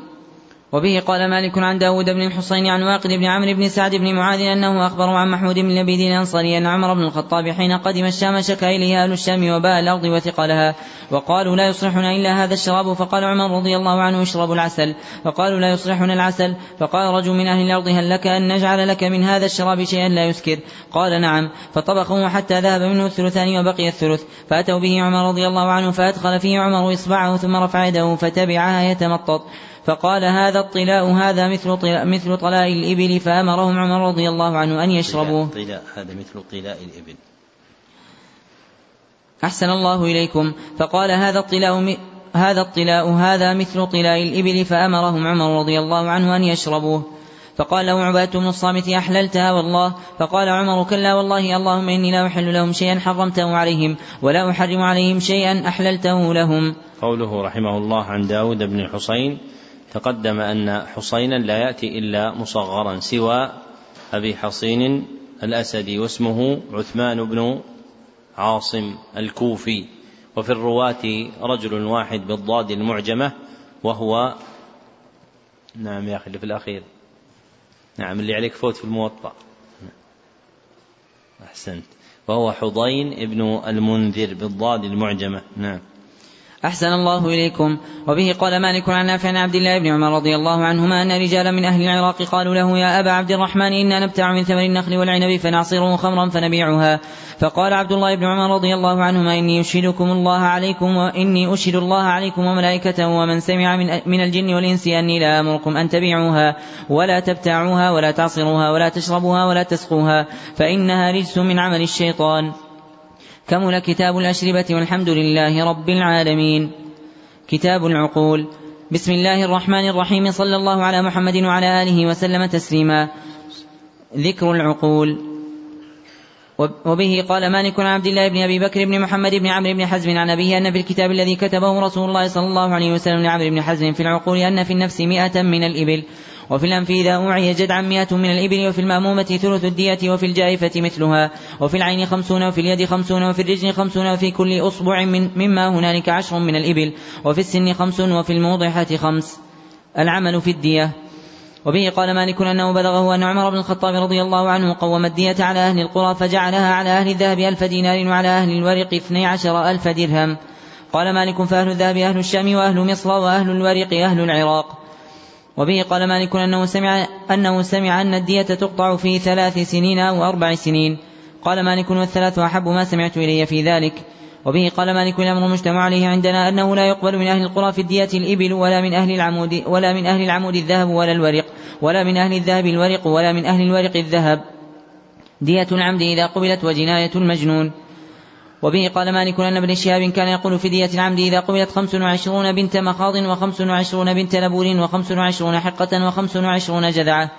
وبه قال مالك عن يحيى بن سعيد أن مروان بن الحكم كتب إلى معاوية بن أبي سفيان رضي الله عنه أنه أتي بمجنون قتل رجلا فكتب إليه معاوية رضي الله عنه أن يعقله ولا تقل منه فإنه ليس على مجنون قود.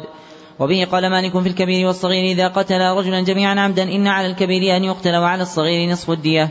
وبه قال مالك وكذلك الحر والعبد يقتلان العبد عمدا فيقتل العبد ويكون على الحر نصف قيمته. دية الخطأ في القتل.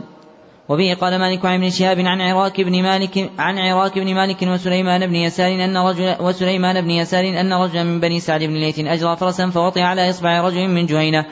فنزي فيها فمات فقال عمر بن الخطاب رضي الله عنه الذين ادعي عليهم أتحلفون بالله خمسين يمينا ما مات منها فأبوا وتحرجوا فقال الآخرين تحلفون أنتم فأبوا فقضى عمر رضي الله عنه بشطر الدية على السعدي على السعديين قال مالك وليس العمل على هذا وبه قال مالك أن ابن شهاب وسليمان بن يسار وربيعة بن أبي عبد الرحمن كانوا يقولون دية الخطأ عشرون بنت مخاض وعشرون بنت لبون وعشرون ابن لبون ذكورا وعشرون ابن لبون ذكرا وعشرون حقة وعشرون جذعة. وبه قال مالك الأمر المجتمع عليه عندنا أنه لا قود بين الصبيان وأن عمدهم خطأ ما لم تجب عليهم الحدود ويبلغ الحلم. وإن قتل الصبي وإن قتل الصبي لا يكون إلا خطأ. وذلك لو أن صبيا وكبيرا قتلا رجلا حرا خطأ. كان على كل واحد من كان على كل واحد منهما نصف الدية. وبه قال مالك من قتل خطأ فإنما عقله مال لا قود فيه وإنما هو كغيره من ماله. يقضى به دينه. ويجوز فيه وصيته فإن كان له مال تكون الدية قدر ثلثه ثم عفى عن ديته فذلك جائز له وإن لم يكن له مال غير ديته جاز له من ذلك الثلث جاز له من ذلك الثلث إذا عفي عنه وأوصى به. عقل الجراح في عقل, عقل الجراح في الخطأ. وبه لا يحيى قال حدثني مالك الأمر المجتمع عليه عندهم في الخطأ أنه لا يعقل حتى يبرأ المجروح ويصح وأنه إن كسر عظم من الإنسان يد أو رجل أو غير ذلك من الجسد خطأ. فبرأ وصح وعاد لهيئته فليس فيه عقل فإن نقص أو كان فيه عثن ففيه من عقله بحساب ما نقص. وبه قال مالك فإن كان ذلك عظم مما جاء فيه عن النبي صلى الله عليه وسلم عقل مسمى فبحساب ما فرض فيه النبي وما كان مما لم يأت فيه عن النبي عقل مسمى. ولم ولم تمضي فيه سنة ولا عقل مسمى فإنه يجتهد فيه. وبه قال مالك وليس في الجراح في الجسد إذا كانت خطأ عقل إذا برأ الجرح وعاد لهيئته فإن كان في شيء من ذلك عثر أو شيء أو شيء فإنه يجتهد فيه إلا الجائفة فإن, في فإن فيها ثلث النفس. وبه قال مالك وليس في منقلة وليس في منقلة الجسد عقل وهي مثل موضحة الجسد. وبه قال مالك الأمر المجتمع عليه عندنا أن الطبيب إذا ختن فقطع الحشفة إن عليه العقل وأن ذلك من الخطأ الذي تحمله العاقلة وأن كل ما أخطأ به وأن كل ما أخطأ به الطبيب أو تعدى إذا لم يتعمد ذلك ففيه العقل عقل المرأة. وبه قال مالك عن يحيى بن سعيد عن سعيد بن المسيب أنه كان يقول تعاقل المرأة الرجل إلى ثلث الدية إصبعها كإصبعه وسنها كسنه وموضحتها كموضحته ومنقلتها كمنقلته. وبه قال مالك عن ابن شهاب وبلغه عن عروة بن الزبير أنهما كان يقولان مثل قول سعيد بن المسيب في المرأة أنها تعاقل الرجل إلى ثلث دية رجل إلى إلى ثلث دية الرجل. فإذا بلغت ثلث دية الرجل كانت إلى النصف من دية الرجل. وبه قال مالك وتفسير ذلك أنها تعاقله في الموضحة والمنقلة والمنقلة. وما دون المأمومة والجائفة وأشباههما مما يكون فيه ثلث الدية فصاعدا. فإذا بلغت ذلك كان عقلها في ذلك النصف من عقل الرجل. وبه قال مالك أنه سمع ابن شهاب يقول مضت السنة أن الرجل إذا أصاب امرأته بجرح أن عليه عقل ذلك الجرح ولا ولا يقاد منه. قال مالك إنما ذلك في الخطأ أن يضرب الرجل امرأته فيصيبها من ضربه ما لم يتعمد. يضربها بسوط فيفقع عينها أو نحو ذلك. وبه قال مالك في المرأة يكون لها زوج وولد من غير عصبتها ولا قومها فليس على زوجها إذا كان من قبيلة أخرى من عقل جنايتها شيء ولا على ولدها إذا كان من غير قومها ولا على إخوتها من أمها من غير عصبتها ولا قومها فهؤلاء أحق بميراثها. والعصبة عليهم العقل منذ زمان رسول الله صلى الله عليه وسلم وكذلك موالي المرأة ميراثهم لولد المرأة وإن كانوا من غير قبيلتها وعقل جناية الموالي على قبيلتها. عقل الجنين. وبه قال مالك عن ابن شهاب عن أبي سلمة بن عبد الرحمن بن عوف عن أبي هريرة رضي الله عنه أن امرأتين من هذين رمت إحداهما الأخرى فطرحت جنينها فقضى فيه رسول الله صلى الله عليه وسلم بغرة عبد أو وليدة. وبه قال مالك عن ابن شهاب عن سعيد بن المسيب أن رسول الله صلى الله عليه وسلم قضى في الجنين يقتل في بطن أمه بغرة عبد أو وليدة. فقال الذي قضي عليه كيف أغرم ما لا شرب ولا أكل ولا نطق ولا استهل؟ فمثل ومثل ذلك يطل. فقال رسول الله صلى الله عليه وسلم إنما هذا من إخوان الكهان. وبه قال مالك عن ربيعة بن أبي عبد الرحمن أنه كان يقول الغرة تقوم خمسين دينارا أو ستمائة درهم أو ستمائة درهم. ودية المرأة الحرة خمسمائة دينار أو ستة آلاف درهم. قال في الحديثين بغرة عبد أو وليدة. وقع فيهما بغرة بغرة هي بغرة عبد أو وليدة. نعم. أحسن الله إليكم. قال مالك فدية جنين الحرة عشر ديتها والعشر خمسون دينارا أو ستمائة درهم. وبه قال مالك ولم أسمع أحدا يخالف في أن الجنين لا تكون فيه الغرة حتى يزايل بطن أمه ويسقط ويسقط ويسقط من بطنها ميتا. ويسقط. ويسقط من بطنها ميتا. ويسقط. أحسن الله إليكم. حتى يزايل بطن أمه ويسقط من بطنها ميتا. وبه قال مالك وسمعت أنه إذا خرج الجنين من بطن أمه حيا ثم مات أن فيه الدية كاملة. قال مالك ولا حياة للجنين إلا باستهلال فإذا خرج من بطن أمه فاستهل ثم مات فيه الدية كاملة. وبه قال مالك ونرى أن في جنين الأمة عشر ثمن أمه. وبه قال مالك إذا قتلت المرأة رجلا أو امرأة عمدا والتي قتلت حامل لم يقد منها حتى تضع حملها وإن قتلت المرأة وهي حامل عمدا أو خطأ فليس على من قتلها في جنينها شيء. إن قتلت عمدا قتل الذي قتلها وليس في جنين وليس في جنينها دية وإن قتلت خطأ فعلى عاقلة قاتلها ديتها وليس في جنينها دية وبه لا يحق. قال وسئل مالك عن جنين اليهودية والنصرانية تطرح؟ فقال أرى أن فيه عشر دية أمه. فقال أرى أن فيه عشر, عشر دية أمه. ما فيه الدية كاملة. وبه قال مالك عن ابن شهاب عن سعيد بن المسيب أنه كان يقول في الشفتين الدية كاملة إذا فإذا قطعت السفلى ففيها ثلث الدية. وبه قال مالك أنه سأل ابن شهاب عن الرجل الأعور يفقأ عين الصحيح فقال ابن شهاب إن أحب الصحيح أن يستقيل منه فله القود. وإن أحب فله الدية ألف دينار أو اثني عشر ألف درهم. وبه قال مالك أنه بلغه أنه في, أنه في كل زوج من الإنسان الدية كاملة وأن في اللسان الدية كاملة وأن في الأذنين إذا ذهب سمعهما الدية كاملة. اصطلمتا أو لم تصطلما وفي ذكر الرجل الدية كاملة وفي الأنثيين الدية كاملة. وبه قال مالك أنه بلغه أن في ثدي المرأة الدية كاملة. قال مالك وأخف ذلك عندي الحاجبان وثدي الرجل. وبه قال مالك الأمر عندنا أن الرجل إذا أصيب من أطرافه أكثر من ديته فذلك له. إذا أصيبت يداه ورجلاه وعيناه فله ثلاث ديات. وبه قال مالك في عين الأعور الصحيحة إذا فقئت خطأ إن فيها الدية كاملة. عقل العين إذا ذهب بصرها. وبه قال مالك عن يحيى بن سعيد عن سليمان بن يس عن سليمان بن يسار أن زيد بن ثابت رضي الله عنه كان يقول في العين القائمة إذا أطفئت مئة دينار. وبه لا يحيى قال وسئل مالك عن شتر العين وحجاج العين. فقال ليس في ذلك إلا الاجتهاد إلا أن ينقص بصر العين فيكون, فيكون له بقدر ما نقص من بصر العين. وبه قال مالك الأمر عندنا في العين القائمة العوراء إذا أطفئت وفي اليد الشلاء إذا قطعت أنه ليس في ذلك إلا الاجتهاد وليس في ذلك عقل مسمى عقل الشجاج. وبه قال مالك عن حمل سعيد أنه سمع سليمان بن يسار يذكر أن الموضحة في الوجه مثل الموضحة في الرأس إلا أن تعيب الوجه فيزاد فيزاد في عقلها ما بينها وبين نصف عقل الموضحة في الرأس فيكون فيها خمسة وسبعون دينارا. وبه قال مالك الأمر عندنا أن في المنقلة خمس عشرة فريضة. قال مالك والمنقلة التي يطير فراشها من التي يطير فراشها الع... التي يطير فراشها من العظم ولا تخرق إلى الدماغ وهي تكون في الرأس وفي الوجه. وبه قال مالك والأمر المجتمع عليه عندنا أن المأمومة والجائفة ليس فيهما قود.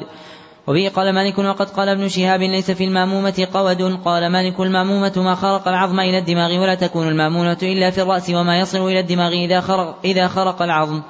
وبه قال مالك الأمر عندنا أنه ليس فيما دون الموضحة. من الشجاج عقل حتى تبلغ الموضحة وإنما العقل في الموضحة فما فوقها. وذلك أن رسول الله صلى الله عليه وسلم انتهى إلى الموضحة في كتابه لعمرو بن حزم فجعل فيها خمسا من الإبل.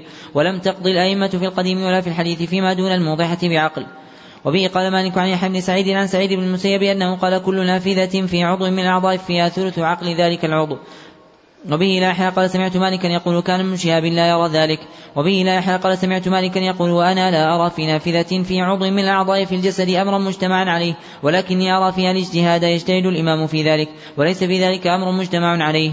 وبه قال مالك الأمر عندنا أن المأمومة والمنقلة والمنقلة والموضحة لا تكون إلا في الوجه والرأس فما كان في الجسد من ذلك فليس فيه إلا الاجتهاد. قال مالك ولا أرى اللحي ولا أرى اللحي الأسفل والأنف من الرأس في جراحهما لأنه لأنه عظمان منفردان والرأس بعدهما عظم واحد.